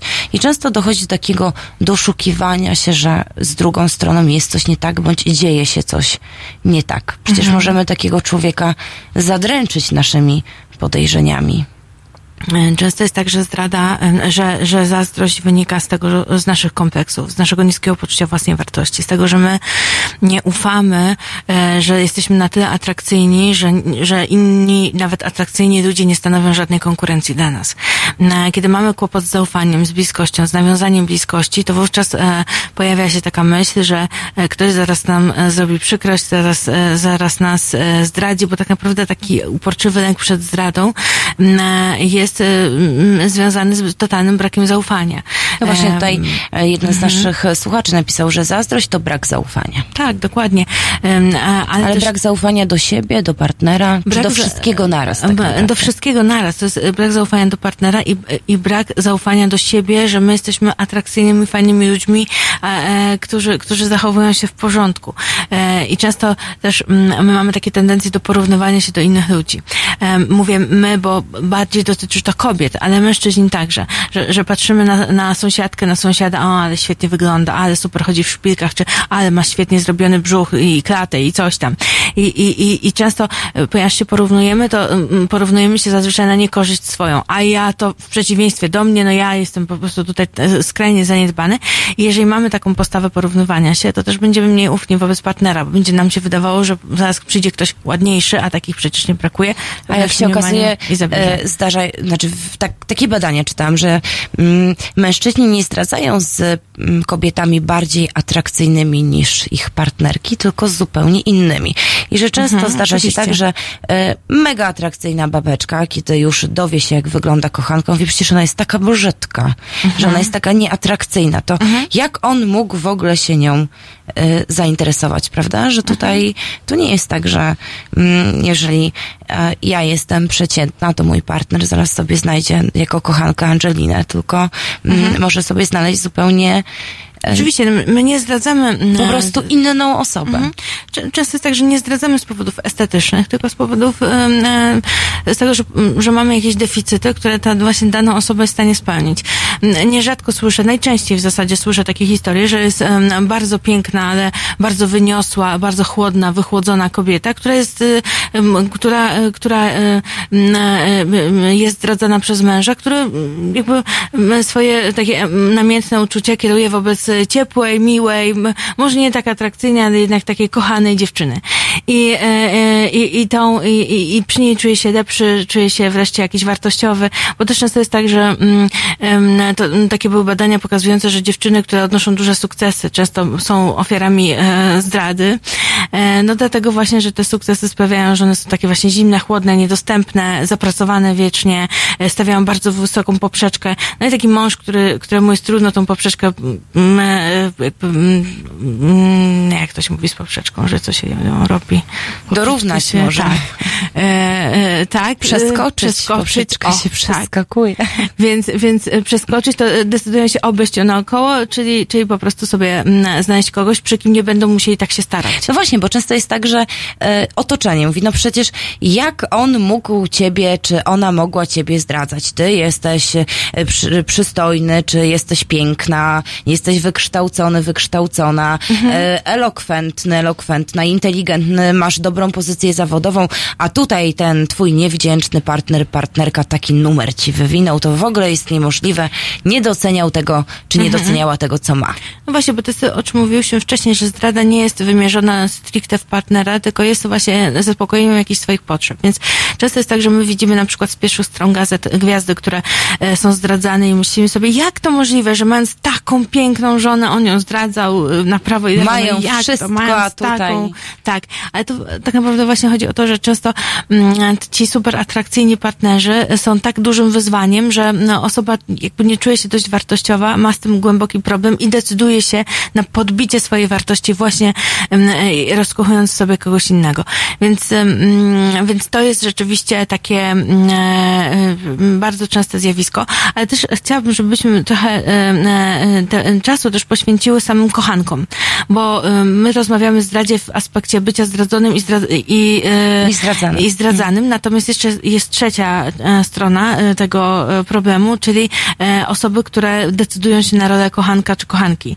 Moja przyjaciółka powiedziała, że ona w roli kochanki czuje się najlepiej, że nie wyobraża sobie e, bycia w stałym związku. Kiedy zapytałam ją dlaczego, e, odpowiedziała, bo kochanka otrzymuje wszystko to, co jest najlepsze, a nie ma tak naprawdę tych wszystkich męczących obowiązków. Mhm. Mm, mm, e, Cóż, no, trzeba byłoby zdefiniować to, co znaczy to wszystko, to co najlepsze, bo e, nie dostaje e, w ogóle bezpieczeństwa emocjonalnego wsparcia. Tak, ale tutaj bardziej chodziło o to, że e, mężczyzna, z którym się spotyka, zawsze przychodzi do niej e, elegancko ubrany, uśmiechnięty, bezproblemowy. No tak, ale w zawsze ten czas przyjdzie, bo e, będzie siedział z żoną. Organizuje. No właśnie, to są deficyty i, i, i które Tak. dla jednych są do zniesienia, dla, dla drugich nie. Ale mówisz o tych kochankach. Pewnie trudno tak naprawdę jest to właśnie to, co mówisz, no Wigilia. Mhm. I teraz nagle okazuje Właśnie. się, że e, cały rok z kimś e, spędziłem, spędziłam, a Tak, e, a, a, a, a, a finalnie zostaje, zostaje sama. E, Bardzo często też e, jest tak, że dziewczyny, e, ale też mężczyźni e, jakby teoretycznie tak sobie tłumaczą, że a, lepsza jest ta rola, bo nie muszę prać skarpetek, zawsze do mnie przychodzi, tak jak powiedziałaś, e, piękny, wymuskany. E, nie muszę rozsłuchać o jego problemach, bo nawet jeśli mi opowie, to i tak zaraz pójdzie. E, tak, e, e, natomiast, natomiast to mm, bardziej dla mnie z perspektywy psychologa wygląda raczej na problemy z bliskością. To znaczy na tym, że jakby bardziej nas zadowalają i bezpieczniejsze emocjonalnie są dla nas takie, po, m, takie powierzchowne relacje. Często jest tak, że nam się wydaje podświadomie nawet, że my nie zasługujemy na nic więcej. Że to, że, że, że, że wystarcza nam tylko skrawek miłości, e, a taka pełna miłość, e, czyli pełny związek, to, to, to, to może jest za dużo, to może czujemy, że na to nie zasługujemy, albo też, żebyśmy się w tym źle czuli, bo na przykład tego nie znamy, bo sami jesteśmy e, na przykład dziećmi z rodzin niepełnych i wtedy, i wtedy ta, taki nadmiar miłości może być dla nas przytłaczający. Często, nierzadko tak jest, że, osob, że, że kochanki to często są osoby, które naprawdę miały jakieś trudne doświadczenia ze sobą em, e, i, i, i, dlatego decydują się na taką, na taką rolę. Oczywiście bywają też kochanki, które, e, e, które są w ogóle nieświadome tego, że są kochankami, bo i wydaje im się, że partner jest wolny. Dopiero później się okazuje, że on jednak miał żonę, czy które są, dopiero jak się zakochały, to się o tym dowiedziały i to jest trochę inna mm, historia, ale tkwienie w takiej relacji i ufanie i tkwienie i właśnie pozwalanie sobie na to, żeby cały czas być tą drugą w kolejce i tą mniej ważną, no też wynika z jakichś naszych deficytów emocjonalnych. Proszę Państwa, a o kochankach i kochankach y, już za chwilę mamy telefon i po przerwie oczywiście będziemy rozmawiać. Poproszę naszego realizatora, realizatorkę o odebranie e, i do usłyszenia za moment.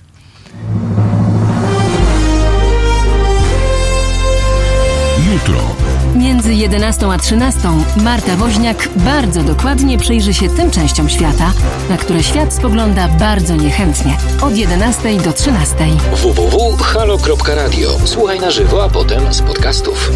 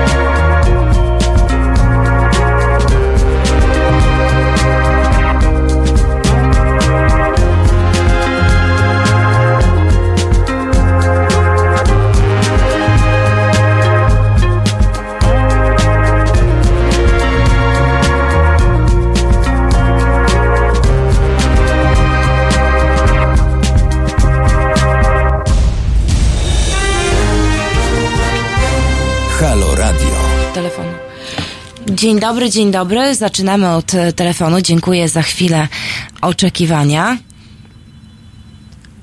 Halo, halo. Halo? Dzień dobry, skąd pan do nas dzwoni? Dzień dobry, witam. Krzysztof mam na imię i dzwonię do Was z Wielkopolski, z Kalisza. Najstarszego miasta w Polsce. No tak. Temat zdrady. Jakie ma pan Tak, doświadczenie? przysłuchuję się, przysłuchuję się mm, Państwa audycji od, od samego początku, jak tylko się rozpoczęło dzisiaj rano. E, jak gdyby tematu mm, dotykam od kilku lat. Non-stop pomagamy ludziom e, dotkniętym, dot- dotkniętym zdradą, jak i kobietom, tak i mężczyznom. Kilka lat temu mm, zgodziłbym się jeszcze z takim stwierdzeniem ogólnie panującym, że zdradzają głównie mężczyźni. Może tak było, ale nie chcę tego roztrząsać do końca. Natomiast od dwóch, trzech lat no, stwierdziłbym bardziej, że głównie zdradzają kobiety. Nie dlatego, że jestem mężczyzną, ale dlatego patrząc na to, jak ci ludzie do nas się zgłaszają. Głównie zgłasza- zgłaszają się mężczyźni i co ciekawsze, to mężczyźni na rozmowach u nas z nami płaczą, że zostali zdradzeni.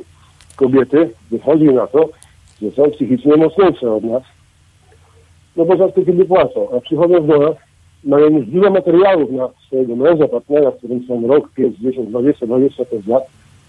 Już do niego dużo materiałów, które wystarczają w sprawie rozwodowej. Zgłaszają się do nas tylko po tą przysłowiową wisienkę na torcie, żebyśmy zgrali wszystko i przekazali później do sądu. Także na początku to, co Pani mówiła, że te wszystkie symptomy z telefonem, z wyłączaniem, z wychodzeniem z telefonem, gdzieś tam odkładaniem go ekranem w dół, to wszystko jest prawda. Tylko teraz ludzie są coraz mądrzejsi, już nie mają jednego telefonu, nie jednej karty w telefonie, tylko dwie. Często zdarza się tak, że może, może spłycę temat teraz, może Panią się nie spodoba to, co powiem, ale jeżeli chodzi o kobiety, często zdarza się tak, że my mężczyźni gdzieś tam w zapominamy mówić im, że są ładnie, pięknie, fajnie wyglądają, super. Zapominamy zauważyć, że liczymy fryzjera z nową fryzurą.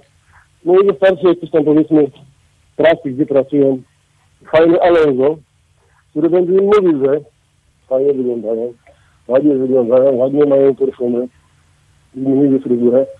No i tak gdyby jest na korzyść tego faceta, który jest w domu albo w pracy częściej i zapędzony jest tym wszystkim i nie ma na to czasu, aby przychodzić do, po pracy zmęczony i jak gdyby, no nie zauważa tego. Błąd mężczyzn, ale można w ten sposób przez ten temat skrócić, że no, trzeba mówić kobietom, że ładnie pięknie wyglądają idzie są nasze i trzeba je wyceniać. Tak? Jeżeli się tego nie robi, no niestety tracimy na tym tydzień. To łatwiej jest taką kobietę stracić, tak? To chciał pan powiedzieć. Oczywiście, o to chodzi. Dziękuję. Ale tak jak powiedziałem, no kobiety, kobiety zgłaszają się do nas, no, zajmujemy się tym, się zajmujemy i kobiety, które do nas się zgłaszają, często gęsto już są przygotowane w 90% mają materiałów, dowodów e, wystarczających na rozwód, a zgłaszają się do nas tylko po to, żeby tam zwrócić, tak jak powiedziałem, tą wisienkę na torcie i sprawę zamknąć na dwóch rozprawach, a nie kręcić się po sądach 2, 3, 4 czy 5 lat. To bardzo ciekawe, co pan mówi, czyli kobieta w momencie, można tak z tego wywnioskować, w momencie, kiedy e, już odkryje zdradę, to zaczyna zbierać te dowody do sprawy rozwodowej. Sama, sama na własną rękę. Mhm, A mężczyzna, z- tak wynika z pana doświadczenia, że potrzebuje waszej pomocy, tak, aby e, takie... Myślę, gdyby w tym temacie mniej poradny. Mhm. Też jestem mężczyzną, nie byłem nigdy zdradzony i ode mnie był, ale już mówiąc tak ogólnie w imieniu wszystkich mężczyzn, no jesteśmy chyba w tym mniej, mniej poradni. I jak już dochodzi do tego, że ktoś nas, kobieta nas zdradzi, no to jakoś później mentalnie ciężko mamy sobie z tym poradzić. Kobiety, no zabrzmi to jak zabrzmi, ale wydaje mi się z doświadczenia, że radzą sobie z tym, z tym lepiej, chyba że są bardziej zamknięte w sobie i nie okazują tych emocji tak bardzo jak robią mężczyźni. No, jest to przykre. My twardziela, a później się rozklejamy, że kobieta nas zdradziła. Tak? I wyszukujemy się później tematu, dlaczego, co zrobiliśmy nie tak, czy to jest nas wina, czy, czy jednak w kobiecie. Nawiązując do sobie jednego tematu, może, może też taki ciekawy przykład, klienta, którego mieliśmy kiedyś, bardzo bogaty mężczyzna, kobiecie nie brakowało nic ze strony materialnej, zupełnie nic. Jeżeli chodzi o seks, no to wszystko chyba też było okej. Więc w domu sprzątaczki, basen, samochód najlepszy z możliwych, wycieczki Dubaje, Las Vegas, wszędzie. No i pytamy się później klienta, czego, który został zdradzony przez tą kobietę. Czego jej brakowało? No to chwilę się zastanawia, po czym nachodzą sobie refleksję i mówi, chyba jedynie gwiazd. Bo uważam, że zapewniał jej wszystko. Od strony tutaj psychicznej, mentalnej, finansowej uważał, że był w 100% ok, a mimo wszystko jednak do jakiejś tam zdrady doszło.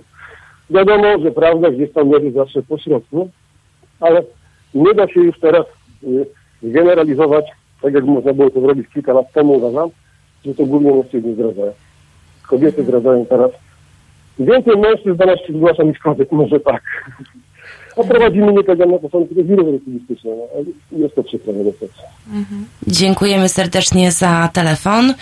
Mm, Rzeczywiście, czy to może wynikać na przykład z tego, że kobiety stały się bardziej niezależne na przestrzeni ostatnich lat? Bo wiadomo, że w tej chwili już i wyrównują się tak naprawdę zarobki, prawda? Coraz e, mniej kobiet zostaje w domu, aby wychowywać dzieci. Mm, Są silne, mają silne pozycje zawodowe. Oczywiście kobiety są bardziej e, pewne siebie, chociaż wydaje mi się, że mm, to nie jest tak do końca, że kobiety teraz zdradzają, a kiedyś tego nie robiły, tylko po prostu teraz się do tego bardziej przyznają. Jeszcze 10 lat temu badania pokazywały, że tylko 7% kobiet zdradza, a teraz już e, procent e, tam wzrósł chyba do 30%.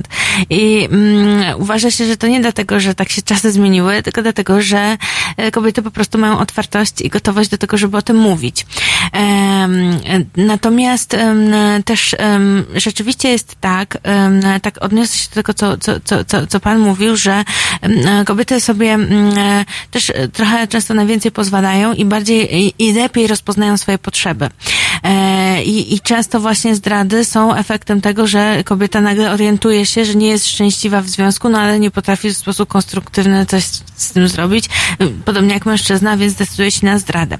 E, Odnośnie tego, co mówił Pan o tym, że mm, przychodzi więcej mężczyzn, a kobiety jak przychodzą, to takie ogarnięte i pozbierane. Przygotowane z materiałem Tak. dowodowym na sprawę rozwodową. To prawdopodobnie wynika z tego, tak mi się wydaje, że e, kobiety mają większy system wsparcia w swoich przyjaciółkach, w, e, w swoim towarzystwie. Mężczyźni raczej em, są tutaj e, często bardziej skryci i wolą obcej osobie opowiedzieć i przed obcą osobą się rozpłakać.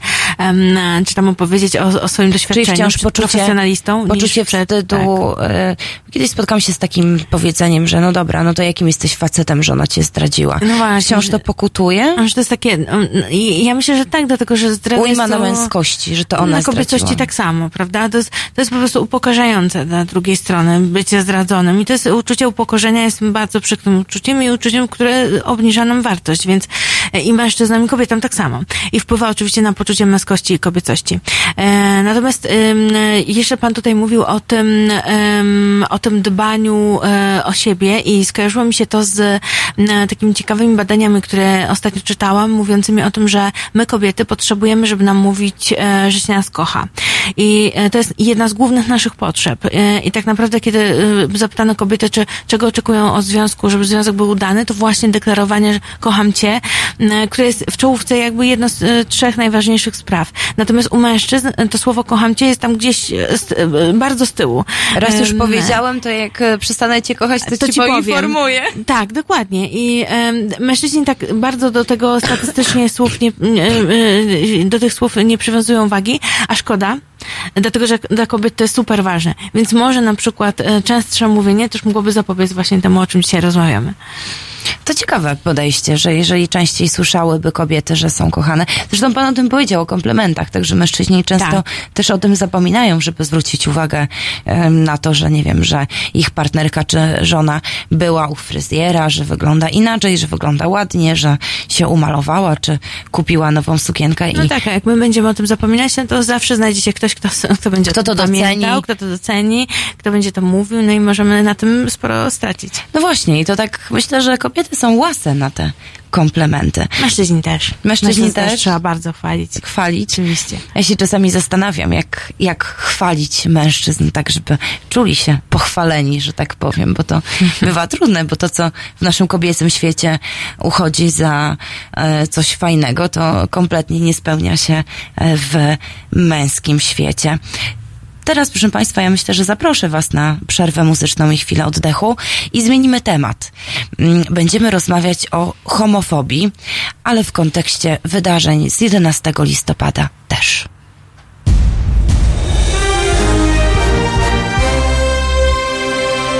Halo Radio emituje swoje programy na żywo codziennie od 7 do 10 i od 15 do 23. W weekendy od 11 do 23. Nocą Halo Radio gra powtórki najciekawszych programów dla naszych rodaków z oceanu. www.halo.radio. Słuchaj na żywo, a potem z podcastów.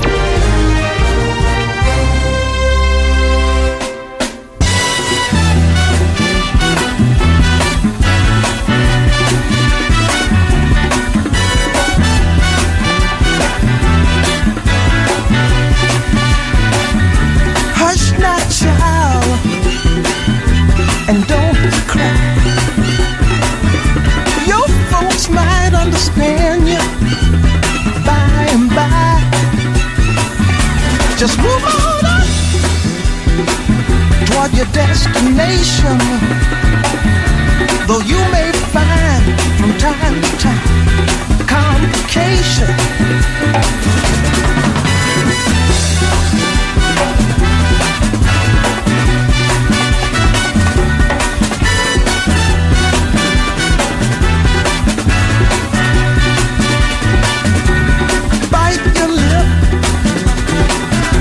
And take the trip. Though there may be wet road ahead and you cannot slip, just move on up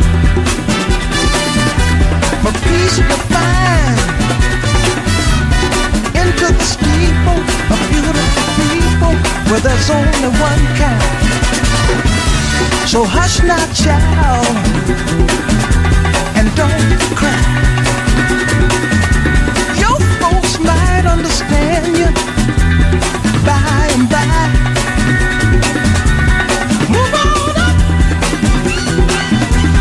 Keep on wishing. Remember your dream is your only scheme, so keep on pushing.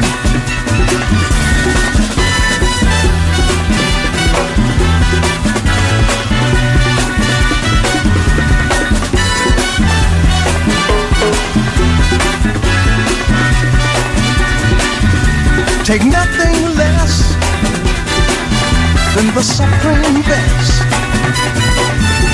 Do not obey, you must be forsake, but you can pass the test. Just move on up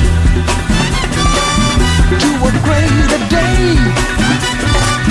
With just a little faith, if you put your mind to it, you can surely do it.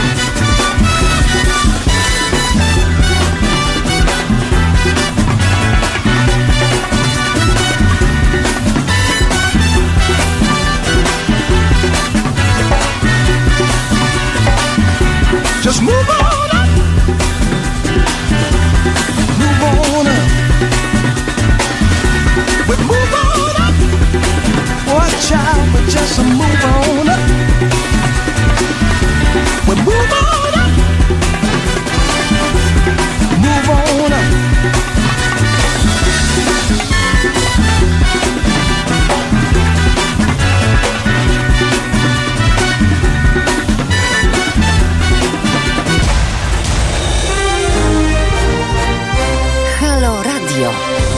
Pierwsze radio z wizją.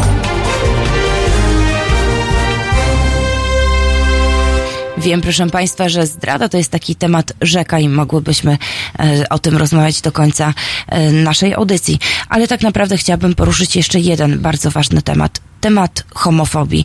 Dlaczego? Dlatego, że do internetu trafiły filmiki, które mnie osobiście tak naprawdę zmiotłe z mojej rzeczywistości. Na jednym filmie mm, w dniu 11 listopada, gdzie wiadomo spotkały się różne środowiska i tych środowisk w żaden sposób, powiem od razu, nie będziemy oceniać. Każdy ma prawo do e, swoich poglądów. Była między innymi rodzina, mm, ojciec z malutką, e, trzyletnią córką, który uczył tą dziewczynkę e, skandowania. Chłopak i dziewczyna to jedyna polska rodzina i pokazywał palcem. Zobacz, a tutaj są ci, ci, których tutaj nie powinno być. Padały różne epitety e, względem środowiska LGBT, które również na tym zgromadzeniu w tak ważnym dla nas Polaków dniu e, się pojawiło. I to mnie bardzo zmartwiło. E, Mała dziewczynka, tak naprawdę od dzień dobry, uczona nie tylko nietolerancji i homofobii, ale też nienawiści do drugiego człowieka.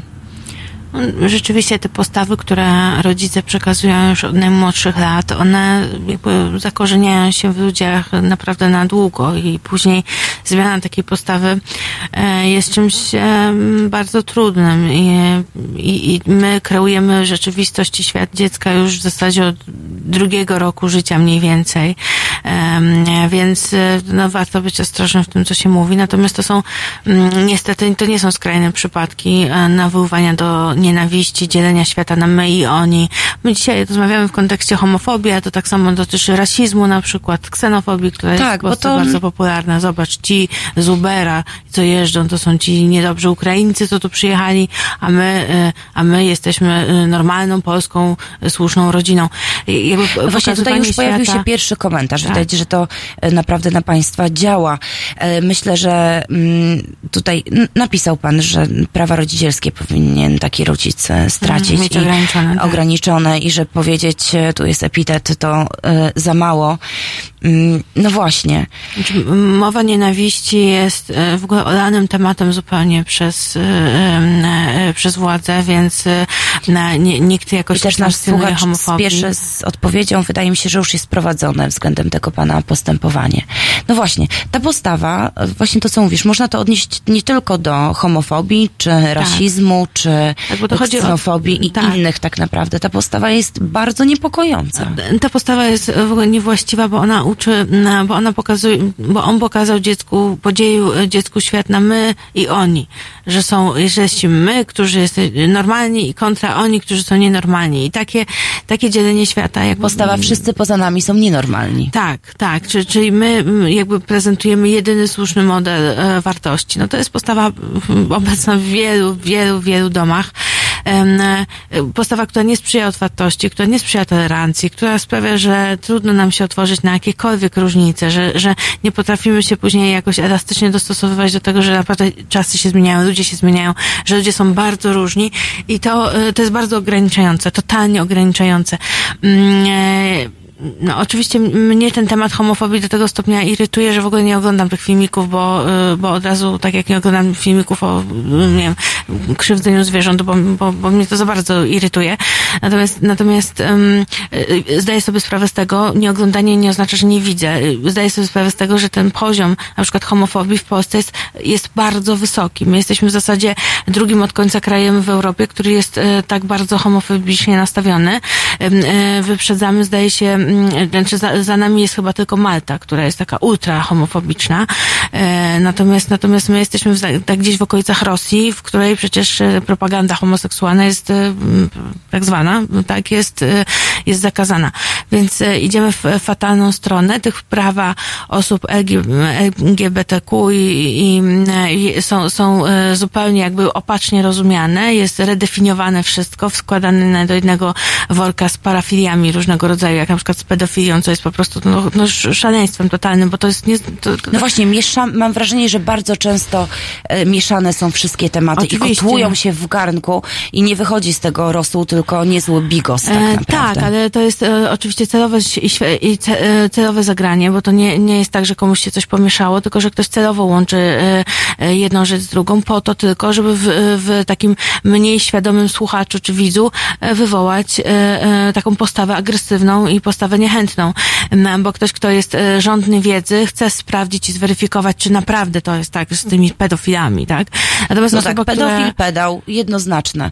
E, nie chcę tutaj nikogo obrazić, ale bardzo często obserwuję takie e, zjawisko, że stawia się znak równości między pojęciami, które nie są równorzędne. No, no w ogóle jakby, jakby słowo pedał jest po prostu obraźliwe i tak i, i, i tutaj w ogóle używanie go w dyskursie, prawda, tak jak się go używa, no to jest, y, jakby powinno być absolutnie y, zakazane. Natomiast ludzie sobie to pozwalają y, na, na takie sformułowania zupełnie bez, bezmyślnie. No, ale to, to oczywiście, to, to słowo jest jakby wulgaryzmem, jasna sprawa, bo zazwyczaj jest w takiej konwencji wypowiadane.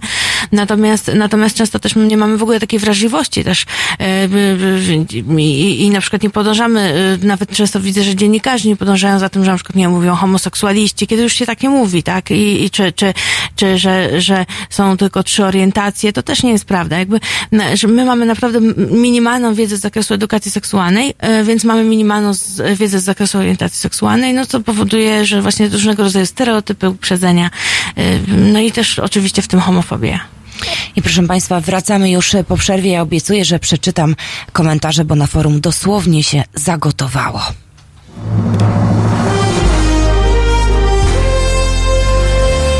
proste. Żeby robić medium prawdziwie obywatelskie, potrzebujemy Państwa stałego wsparcia finansowego.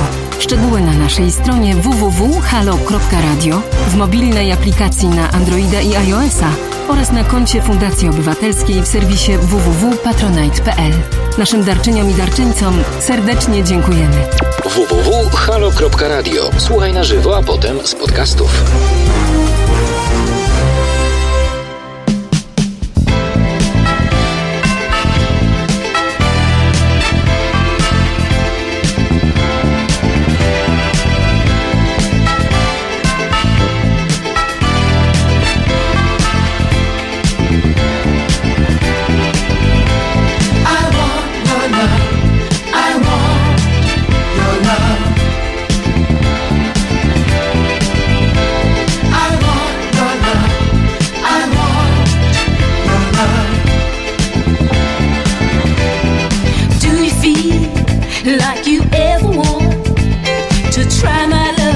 How well it fits. Baby, can't you see when you look at me? I can't kick this feeling when it hits.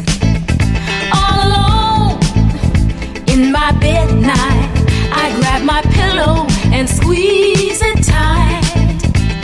I think of you and I dream of you all of the time. What am I gonna do?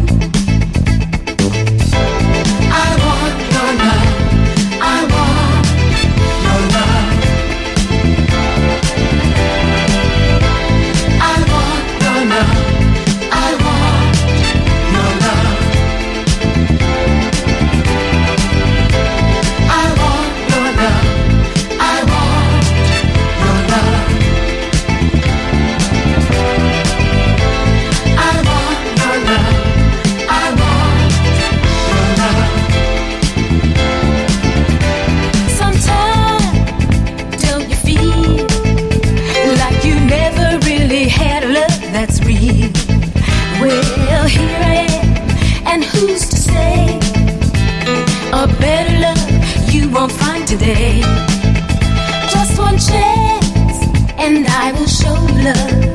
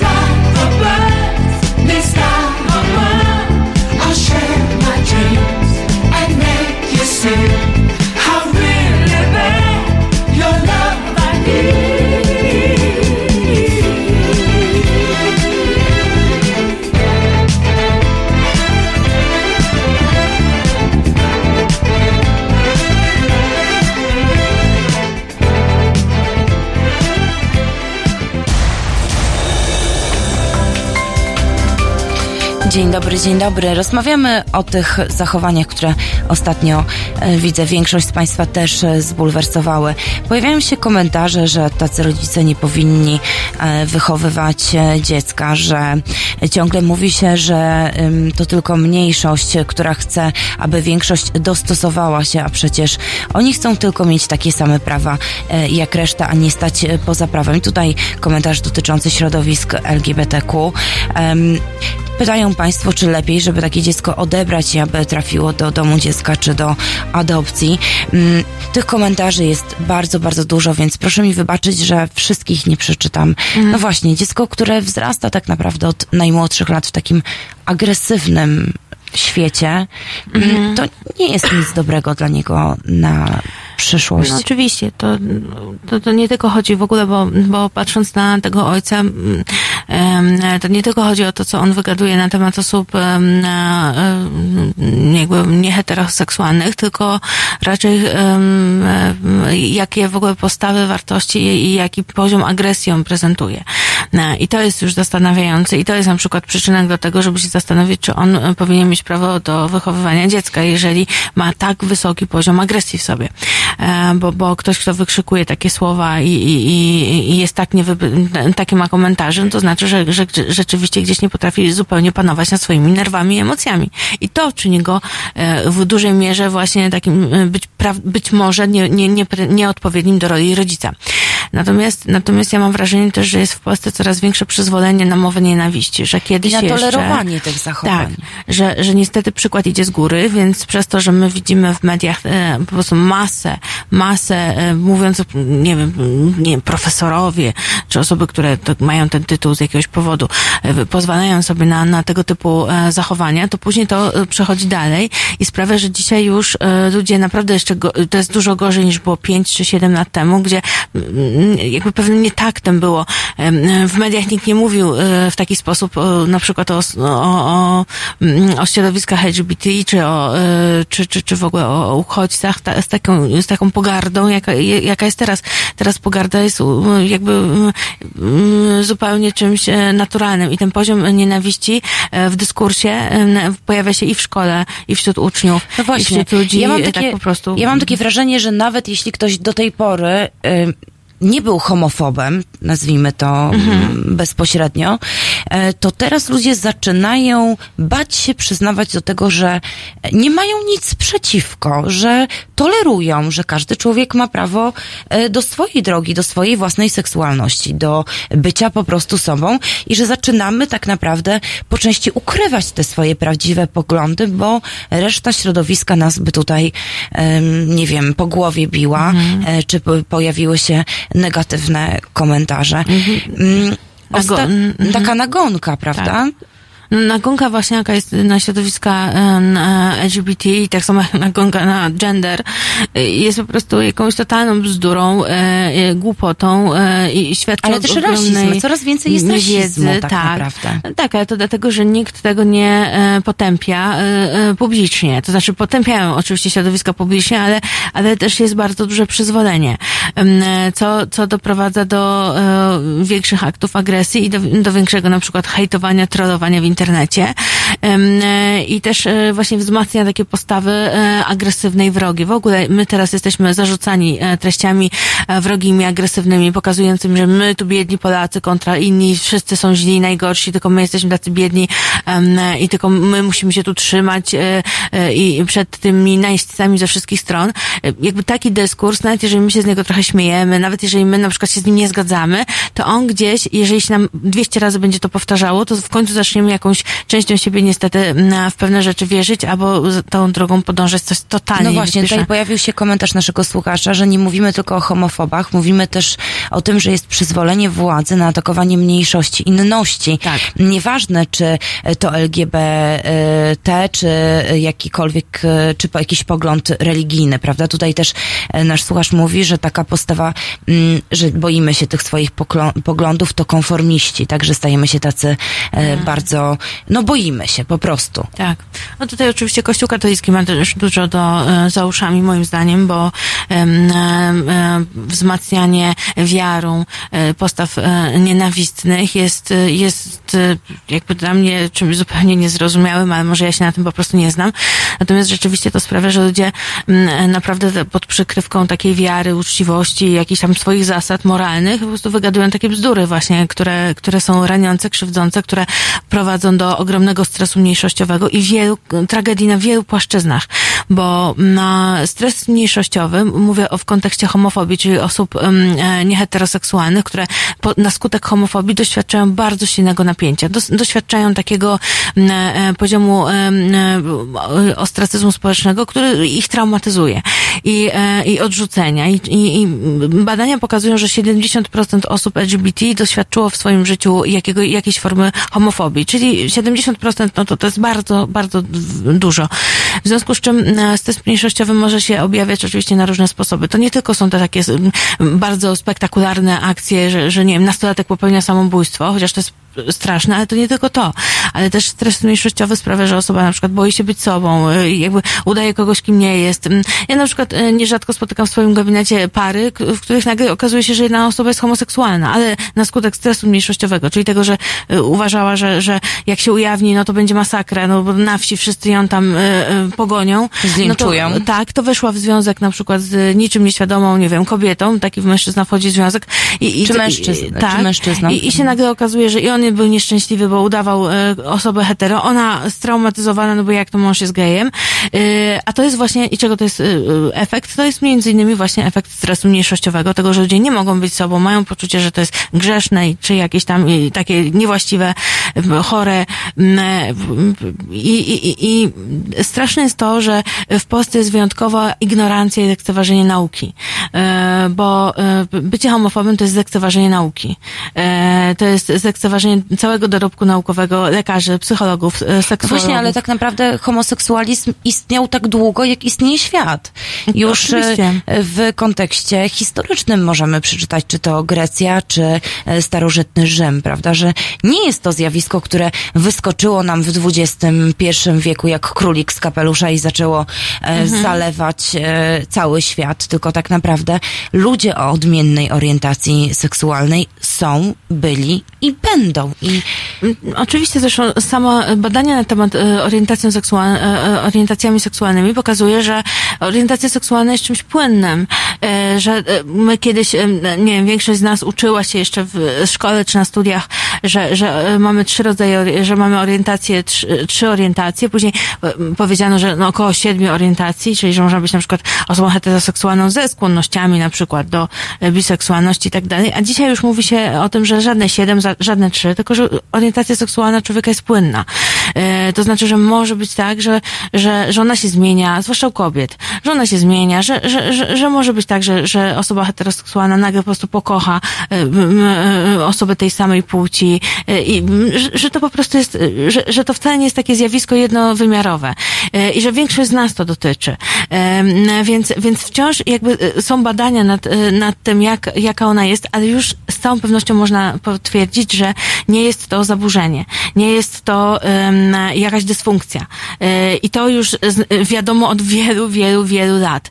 I o tym wszystkie środowiska na całym świecie, nie tylko amerykańskie, które są znienawidzone, ale też i e, europejskie, polskie, wszystkie badania to potwierdzają, tak jak i wszystkie badania potwierdzają, że, e, że adopcja dzieci przez osoby homoseksualne nie ma, nie ma jakby żadnych negatywnych skutków generalnie, chociaż oczywiście w Polsce na przykład adopcja, do tego jeszcze tak e, na marginesie powiem, pewnie miałaby skutki fatalne, dlatego że właśnie ze względu na e, homofobię. Na zachowanie ogółu, Tak, tak, bo, bo ogólnie, mówiąc. bo ogólnie nie ma żadnych przeciwwskazań. Ale właśnie e, mój przyjaciel, który jest e, homoseksualistą, e, zawsze mawia e, w taki sposób, że e, w polskie środowisko oburza się, kiedy podejmowany jest temat adopcji przez, e, przez pary jednopłciowe dzieci. A przecież e, od lat e, w Polsce dzieci wychowywane są przez pary jednopłciowe. Mamy i babcie.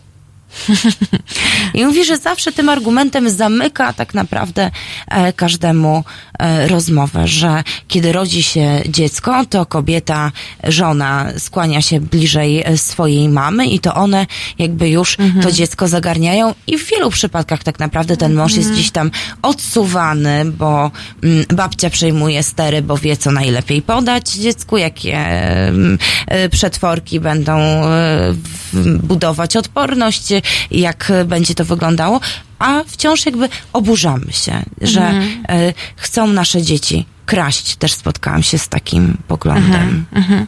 No to jest po prostu tak jak, nie wiem, straszenie, że ktoś cię wsadzi do czarnego samochodu i wywiezie, jakby, nie wiem, przyjdzie zły cygan i cię wsadzi do wora. No to są takie, to są takie po prostu stereotypy, które, e, e, które są niezmiernie krzywdzące, chociaż ja rozumiem, że tutaj ten argument przeciwko to jest taki argument, żeby dziecko miało jakby wzorzec i mężczyzny i kobiety. E, Ale tylko, że ten wzorzec można, wzorzec mężczyzny to nie musi być koniecznie ojciec. Czasami, czasami już taki wzorzec mężczyzny, jaki daje ojciec, to już lepiej, żeby może nie było wcale, więc, e, więc fajnie jest oczywiście, jak dziecko ma wzorzec, jak nie ma tylko kobiecego wzorca, jak jakiś, natomiast, natomiast to oczywiście daje się osiągnąć i jest gro bardzo szczęśliwych par, e, które, które wychowują wspólnie dzieci, par jednopłciowych, które wychowują wspólnie dzieci i bardzo sobie to chwalą i są, i są, i, i tutaj, e, nie- i te dzieci rozwijają się absolutnie normalnie, no, z tym, że oczywiście jedyne, z czym się musimy zmagać, no to jest właśnie e, homofobia. To jest jedyny problem. I proszę Państwa, do tematu adopcji wrócimy zaraz e, po przerwie.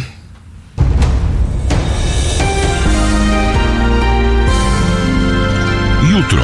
Od 19 do 21 Renata Gluza i jej goście pokażą Państwu, że dziennikarstwo może być misją i może czynić dobro. 19.21. www.halo.radio. Słuchaj na żywo, a potem z podcastów.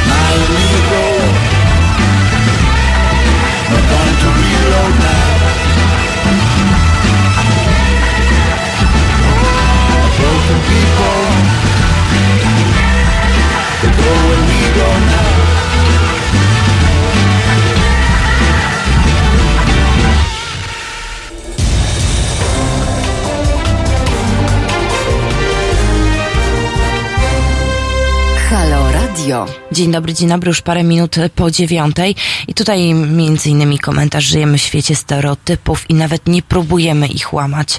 E, Piszą Państwo również o tym, że ci, którzy zabraniają e, adopcji parom jednopłciowych, e, płciowym, może niech sami najpierw adoptują dzieci z domu dziecka i zobaczymy, jak im pójdzie. Tutaj ta dyskusja dosłownie wrze.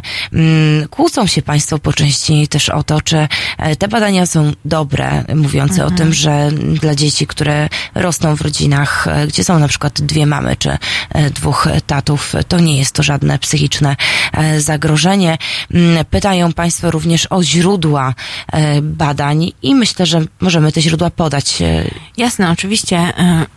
Tutaj mm, można na przykład poczytać badania prowadzone przez profesor Joannę Mizielińską z Uniwersytetu SWPS, ale także, e, która robiła takie podłużne badania, ale także i poczytać badania udostępnione w, przez Polskie Towarzystwo Seksuologiczne polskie, ale też i e, amerykańskie, bo e, te badania zawsze one są badaniami podłużnymi, to znaczy są badaniami, które rozgrywają się w czasie. To nie jest tak, że ktoś po prostu przebada, przepyta, ro, zrobi wywiad i już, tylko że one też sprawdzane jest to po, po kilku latach, na przykład te same rodziny, czy, czy bada się je na początku i później po na przykład po 10 latach.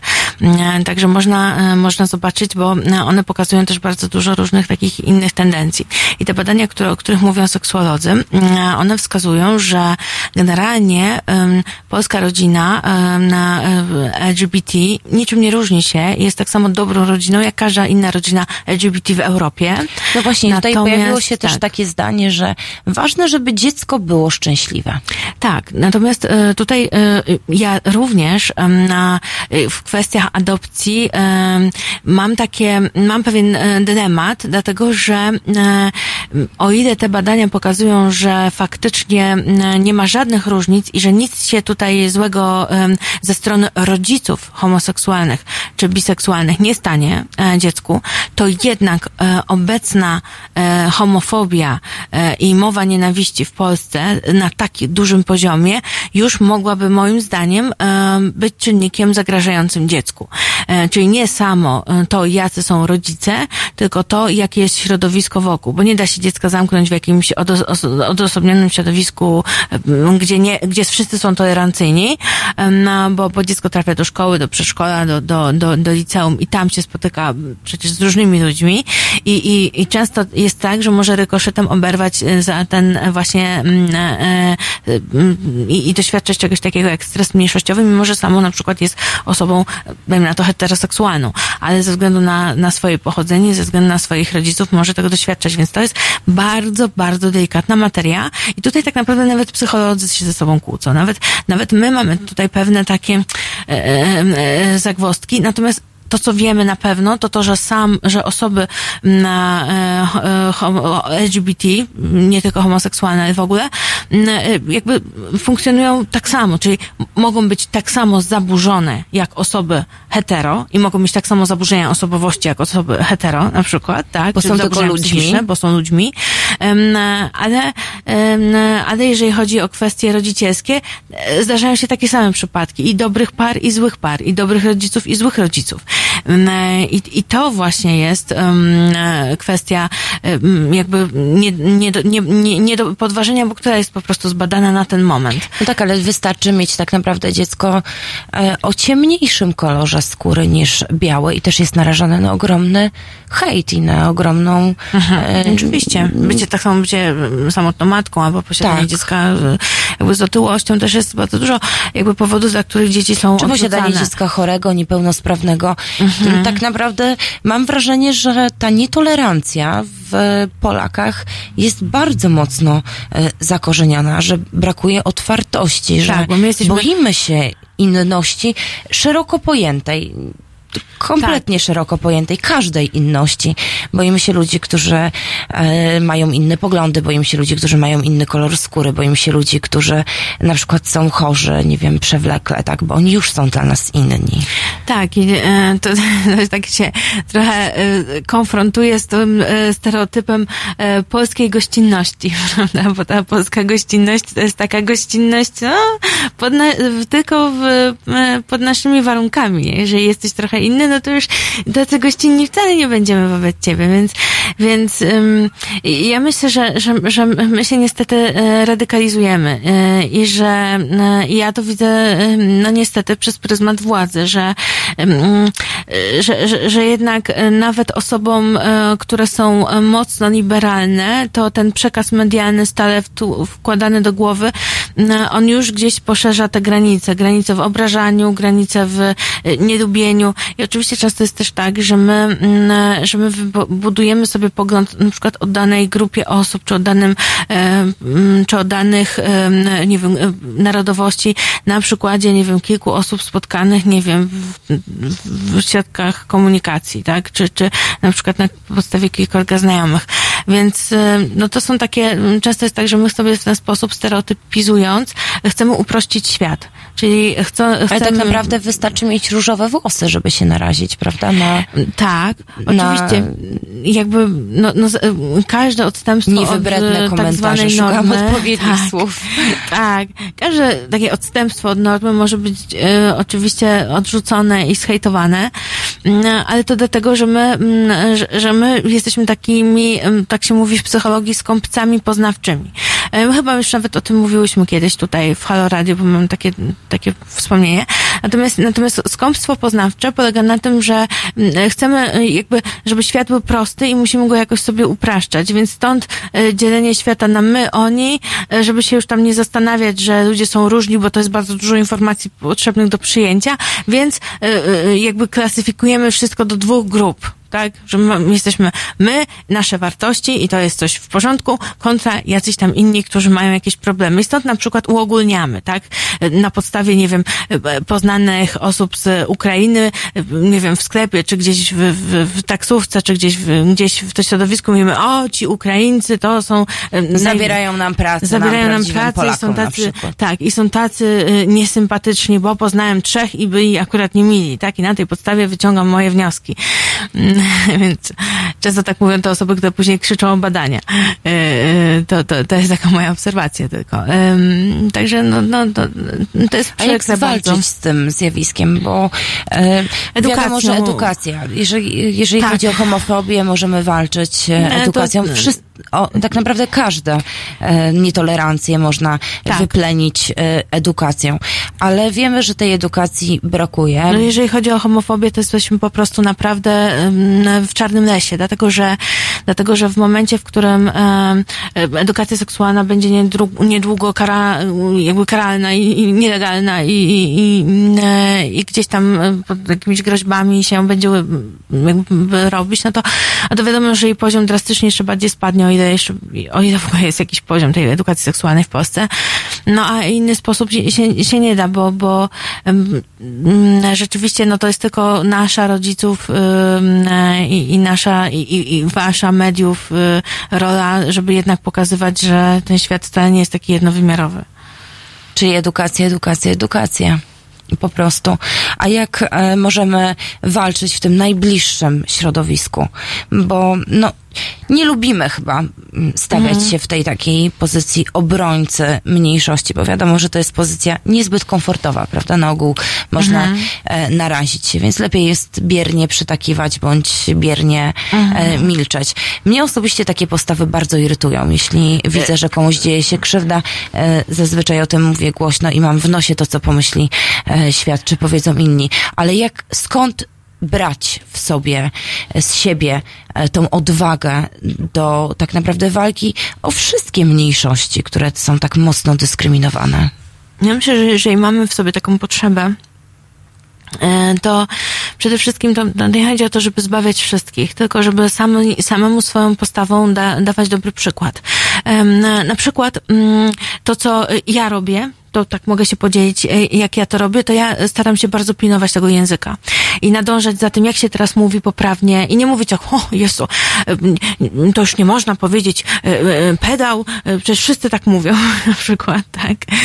Tylko, tylko staram się pilnować bardzo i pilnować też jakby końcówek, pilnować tego, kto chce, jak do, do niego mówić i, i to jest ba- bardzo właśnie ważny dla mnie aspekt słownictwa, bo to słownictwo jest fatalne w Polsce i a od tego się moim zdaniem zaczyna.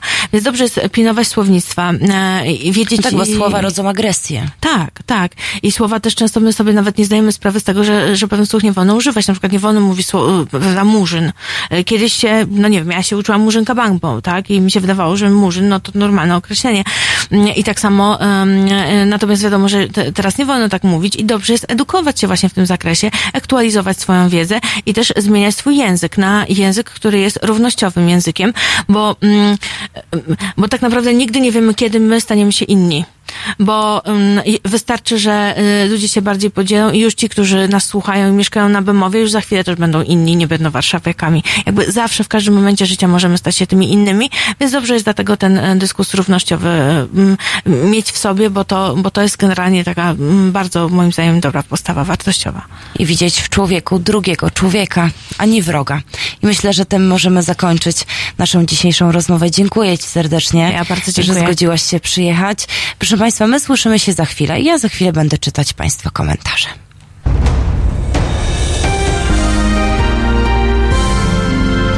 Niedzielę. Od 21 do 23 do świata swoich fascynacji dokumentalnych zabierze Państwa reżyser i aktywista obywatelski Konrad Szołajski. 21, 23.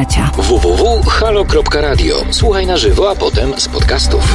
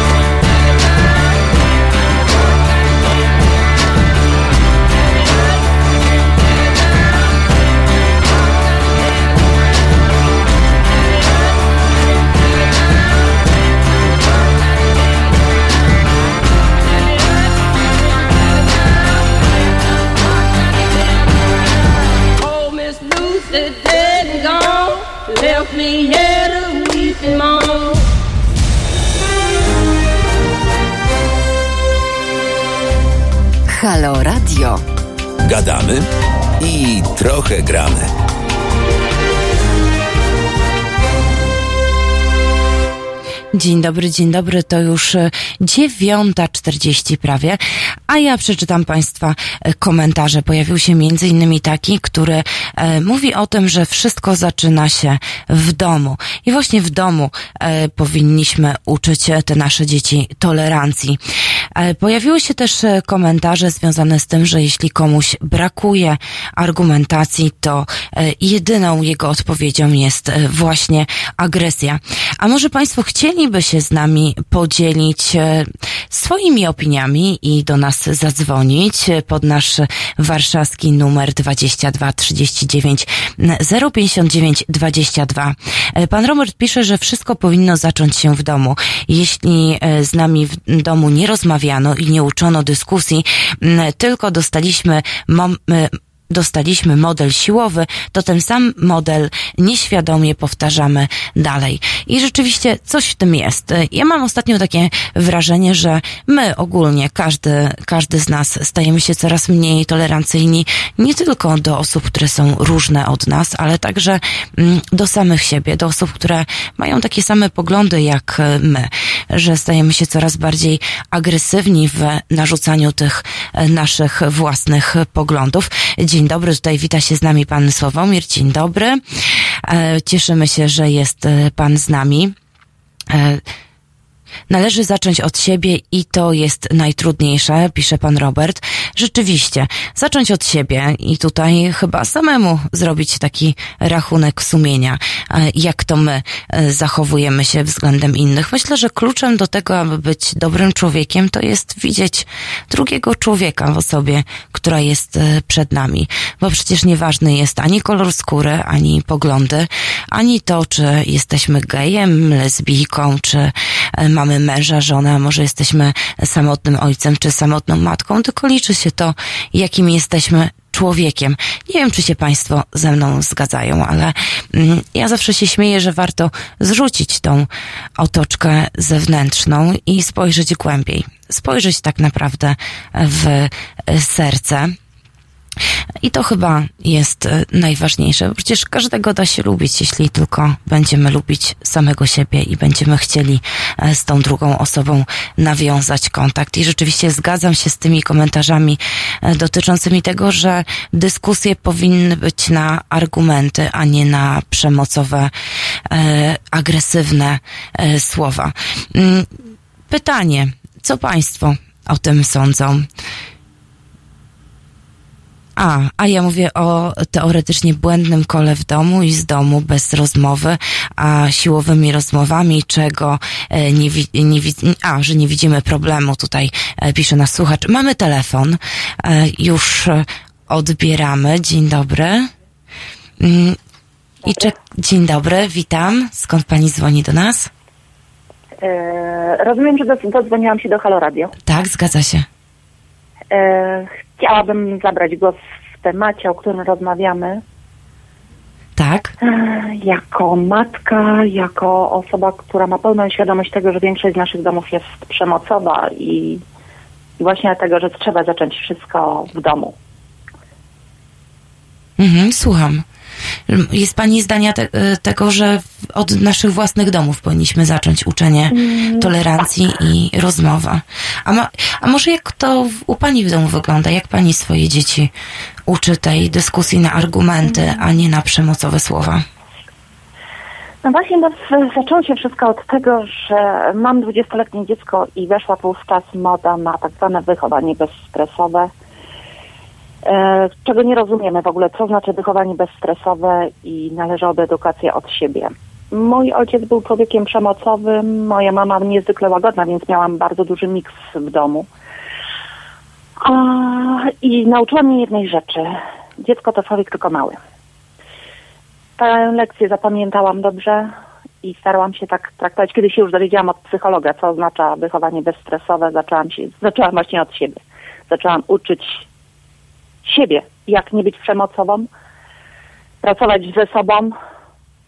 I jak Pani siebie tego uczyła? Bo to bardzo ciekawe. Jak Pani pracowała nad sobą, bo to ciężka praca tak To znaczy, naprawdę. e, Trafiałam na ludzi i staram się w ogóle czerpać z ludzi, których po drodze spotykam. E, przemocowców odrzucam.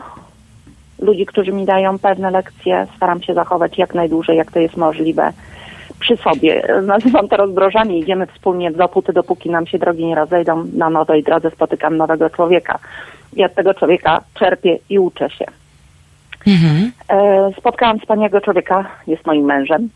Mhm, e, Kiedyś mi powiedział, i to są, to są takie zdania, które bardzo świadomie zachowały się w mojej pamięci. Właśnie starałam się pewne rzeczy na mężowi narzucić, że on się ma zmienić. e, Natomiast on mi kiedyś powiedział zdanie, oczekujesz, że ja się zmienię, ale ty powiedziałaś, że jesteś taka, jaka jesteś. I się nie zmienisz. I to chyba był przełomowy moment, kiedy zaczęłam rzeczywiście pracować nad tym, że jeżeli oczekuję zmian od innych, to muszę najpierw zacząć od siebie. I tak naprawdę bardziej zmieniłam siebie niż innych. I chyba to jest, to jest drogą sukcesu. żeby, żeby właśnie zacząć od, od siebie. E, pozwalaliśmy dziecku dyskutować e, praktycznie od najmłodszych lat. E, między innymi tutaj, ponieważ byliśmy w temacie homofobii, mieliśmy taki etap, gdzie rzeczywiście przy naszej dosyć wysokiej tolerancji dziecko nie miało punktu zaczepienia, nie miało tego buntu, jaki towarzyszy wieku, wiekowi dorastania. I mieliśmy okazję spotkać człowieka homoseksualnego i porozmawiać z nim o naszym problemie. Więc powiedział, że chyba w ten sposób nasze dziecko manifestuje to, że, że nie ma się o zdanie o co pokłócić. A dzisiaj muszę z pokorą czasami przyjąć to właśnie, że nauczyłam dziecka własnego zdania, możliwości dyskutowania, podejmowania decyzji, odpowiedzialności i wszystkiego, co nam powinno towarzyszyć w życiu. Czasami z pokorą muszę też przyjąć zdanie od niego, kiedy spojrzy na mnie i powie, jesteś hipokrytką. I wtedy, i wtedy koryguję swój punkt widzenia. To dla matki musi być trudne usłyszeć takie słowa od własnego E, dziecka.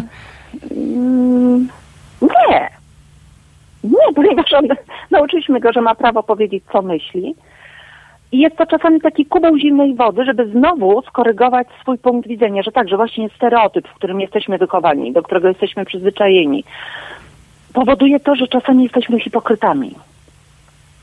I to jest punkt zwrotny czasami. Jeżeli chcemy oczywiście nad sobą pracować, ale wszystko zależy od naszych chęci. A ja ich mam dużo. To gratuluję pani, bo to naprawdę wyjątkowa postawa i rzeczywiście bardzo mądre słowa, żeby zacząć e, zmieniać świat tak naprawdę od e, swojego wnętrza i wtedy wszystko Naprawdę staje się polecam ludziom, lepsze. żeby się uczyli od innych, zwłaszcza właśnie od tych lepszych, których spotykają na swojej drodze. Oni są wspaniałymi nauczycielami. Ale właśnie postawa ja wiem lepiej często nam w tym przeszkadza. Nasze własne ego. Tak, Nasze własne ego. tak, zostawmy je czasami za drzwiami i po prostu uczmy się od ludzi. I tak jak Pani powiedziałyście, po prostu zobaczmy drugiego człowieka. No właśnie, czyli rozumiem, że pani dorosłe już e, dziecko dzisiaj nie ma żadnych oporów, e, aby z panią dyskutować i e, ta Nie. dyskusja jest na argumenty i potrafi nawet swojej mamie wytknąć błędne myślenie. Tak, tak, a ja to przyjmuję z pokorą. Ale staramy się właśnie dyskutować na argumenty. Nawet jeżeli, i właśnie jeżeli są to rozwiązania siłowe, to staramy się, ja w tej chwili już widzę, że wycofuję się, bo już nie mam siły y, na, na rozwiązania siłowe. Daję krok w tył, po czym poczekam, aż opadną emocje po jednej i po drugiej stronie i właśnie mówię, synu, ale zabrakło argumentów. A teraz, jeżeli chcesz mi powiedzieć to samo, to postaw argumenty i spróbujmy na argumenty. To jeszcze zapytam, a jak syn w takim wypadku e, prowadzi te rozmowy ze swoimi rówieśnikami? Bo jeżeli nauczony jest w domu e, rozmów na argumenty i, że tak to nazwę, merytorycznej e, dyskusji, to pewnie zdarzają się sytuacje, gdzie spotyka się z oporem swoich przyjaciół, którzy To znaczy, mają zupełnie inny model. Bardzo, ma bardzo zamknięte grono, ponieważ on bardzo jest znowu tak, tak samo miksem mojej otwartości i, i powiedzmy po- spostrzegawczości ojca. I sobie bardzo selekcjonuje, bardzo sobie dobiera znajomych, ma bardzo ścisłe grono, ale ostatnio, ponieważ trochę straciliśmy kontakt przez odległość, y, bo studiuję 400 kilometrów od domu, więc raczej kontakt telefoniczny lub pisemny. Ale ostatnio zadzwonił i powiedział, że właśnie wśród nowych znajomych, jakie, jakich poznaje na studiach, powiedział, że zaskoczył ich właśnie tym, że nie myśli ramowo. Mhm. Udało nam się chyba go po prostu wychować właśnie w taki sposób, żeby nie myślał, no właśnie, bardzo dużo rozmawiamy o stereotypach. I on właśnie nam wytyka pewne stereotypy, a my z drugiej strony staramy się właśnie też złamać to, żeby nie myśleć stereotypowo, żeby wyjść z tych ram stereotypu. Żeby spojrzeć Właśnie ta szerzej. otwartość. Tak. Tutaj Tak, e, nasz na słuchacz szerzej. napisał wiadomość do pani, że bardzo pięknie pani się wypowiada, że dorosłe dzieci w dzisiejszych czasach mają dużo racji. E, Dorośli zostali w tyle i żyją stereotypami. Tak, więc dlatego staram się uczyć od tego dziecka. Mam prawie 50 lat i najpiękniejszym komplementem dla mnie było, kiedy syn powiedział, że mam umysł dwudziestolatki. Oho. Także Życzę wszystkim rodzicom, żeby takie komplementy dostawali. To proszę Pięknie serdecznie pozdrowić syna. Dziękujemy bardzo za taki Dziękuję szczery i fajny Pozdrawiam telefon. wszystkich słuchaczy i pani. Wzajemnie miłego dnia pani życzę. Do Wzajemnie. usłyszenia. Do widzenia. No właśnie, i pojawiło się zdanie, żeby zacząć tak naprawdę od siebie zmienianie tego świata. Em, Jestem w szoku, bo e, mama, która e, usłyszy od swojego dziecka takie słowa i ma tyle dystansu i chęci do tego, aby zobaczyć, że ten młody człowiek e, może mieć rację i przyjąć te jego argumenty, to rzeczywiście musi być naprawdę dobra mama. Rzeczywiście, widzieć drugiego człowieka, myślę, że to jest klucz e, do sukcesu. A ja teraz Państwa z tą myślą zostawię na krótką muzyczną przerwę. W niedzielę. Między 15 a 17 aktywista miejski, wróg numer jeden pełnomocników 140-letnich właścicieli kamienic, przeciwnik betonu, miłośnik zieleni, Jan Śpiewak i jego goście 15-17. www.halo.radio. Słuchaj na żywo, a potem z podcastów.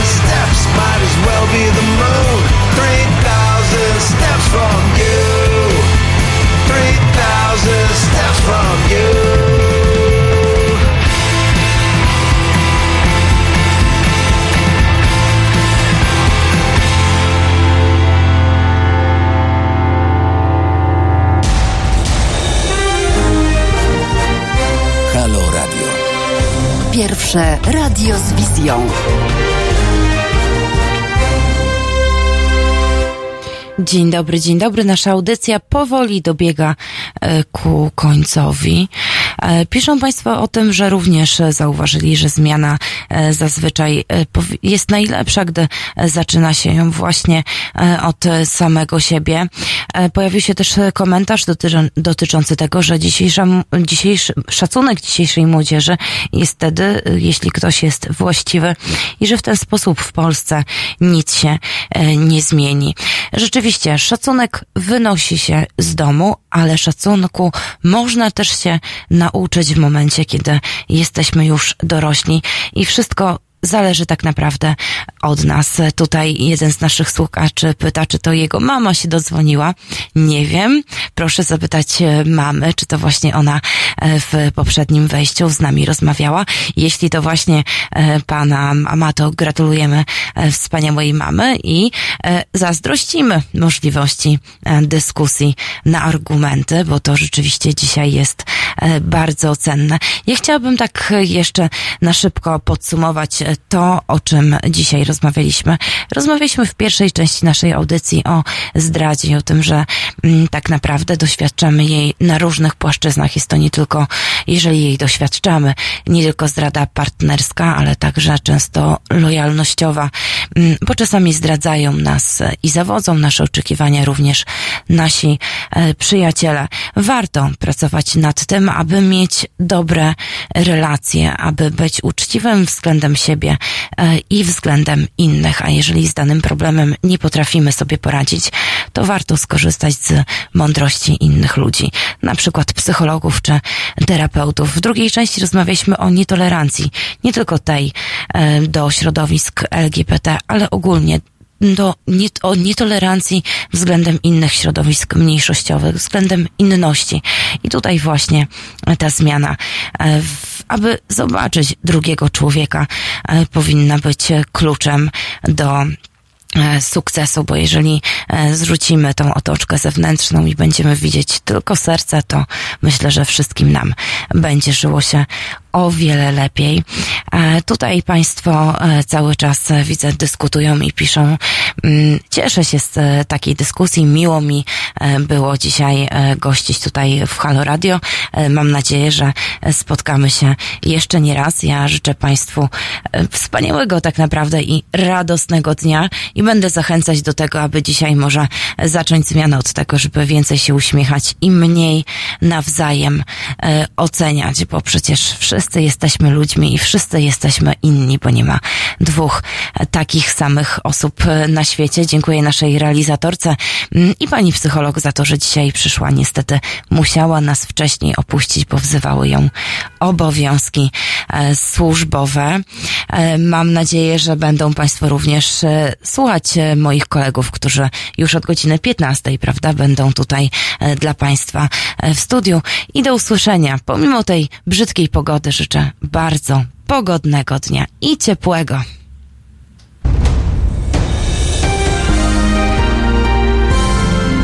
Poniedziałek Między 19 a 21 dziennikarz śledczy Tomasz Piątek i tajemnice sługusów Moskwy z polskimi paszportami. 19 a 21. www.halo.radio. Słuchaj na żywo, a potem z podcastów.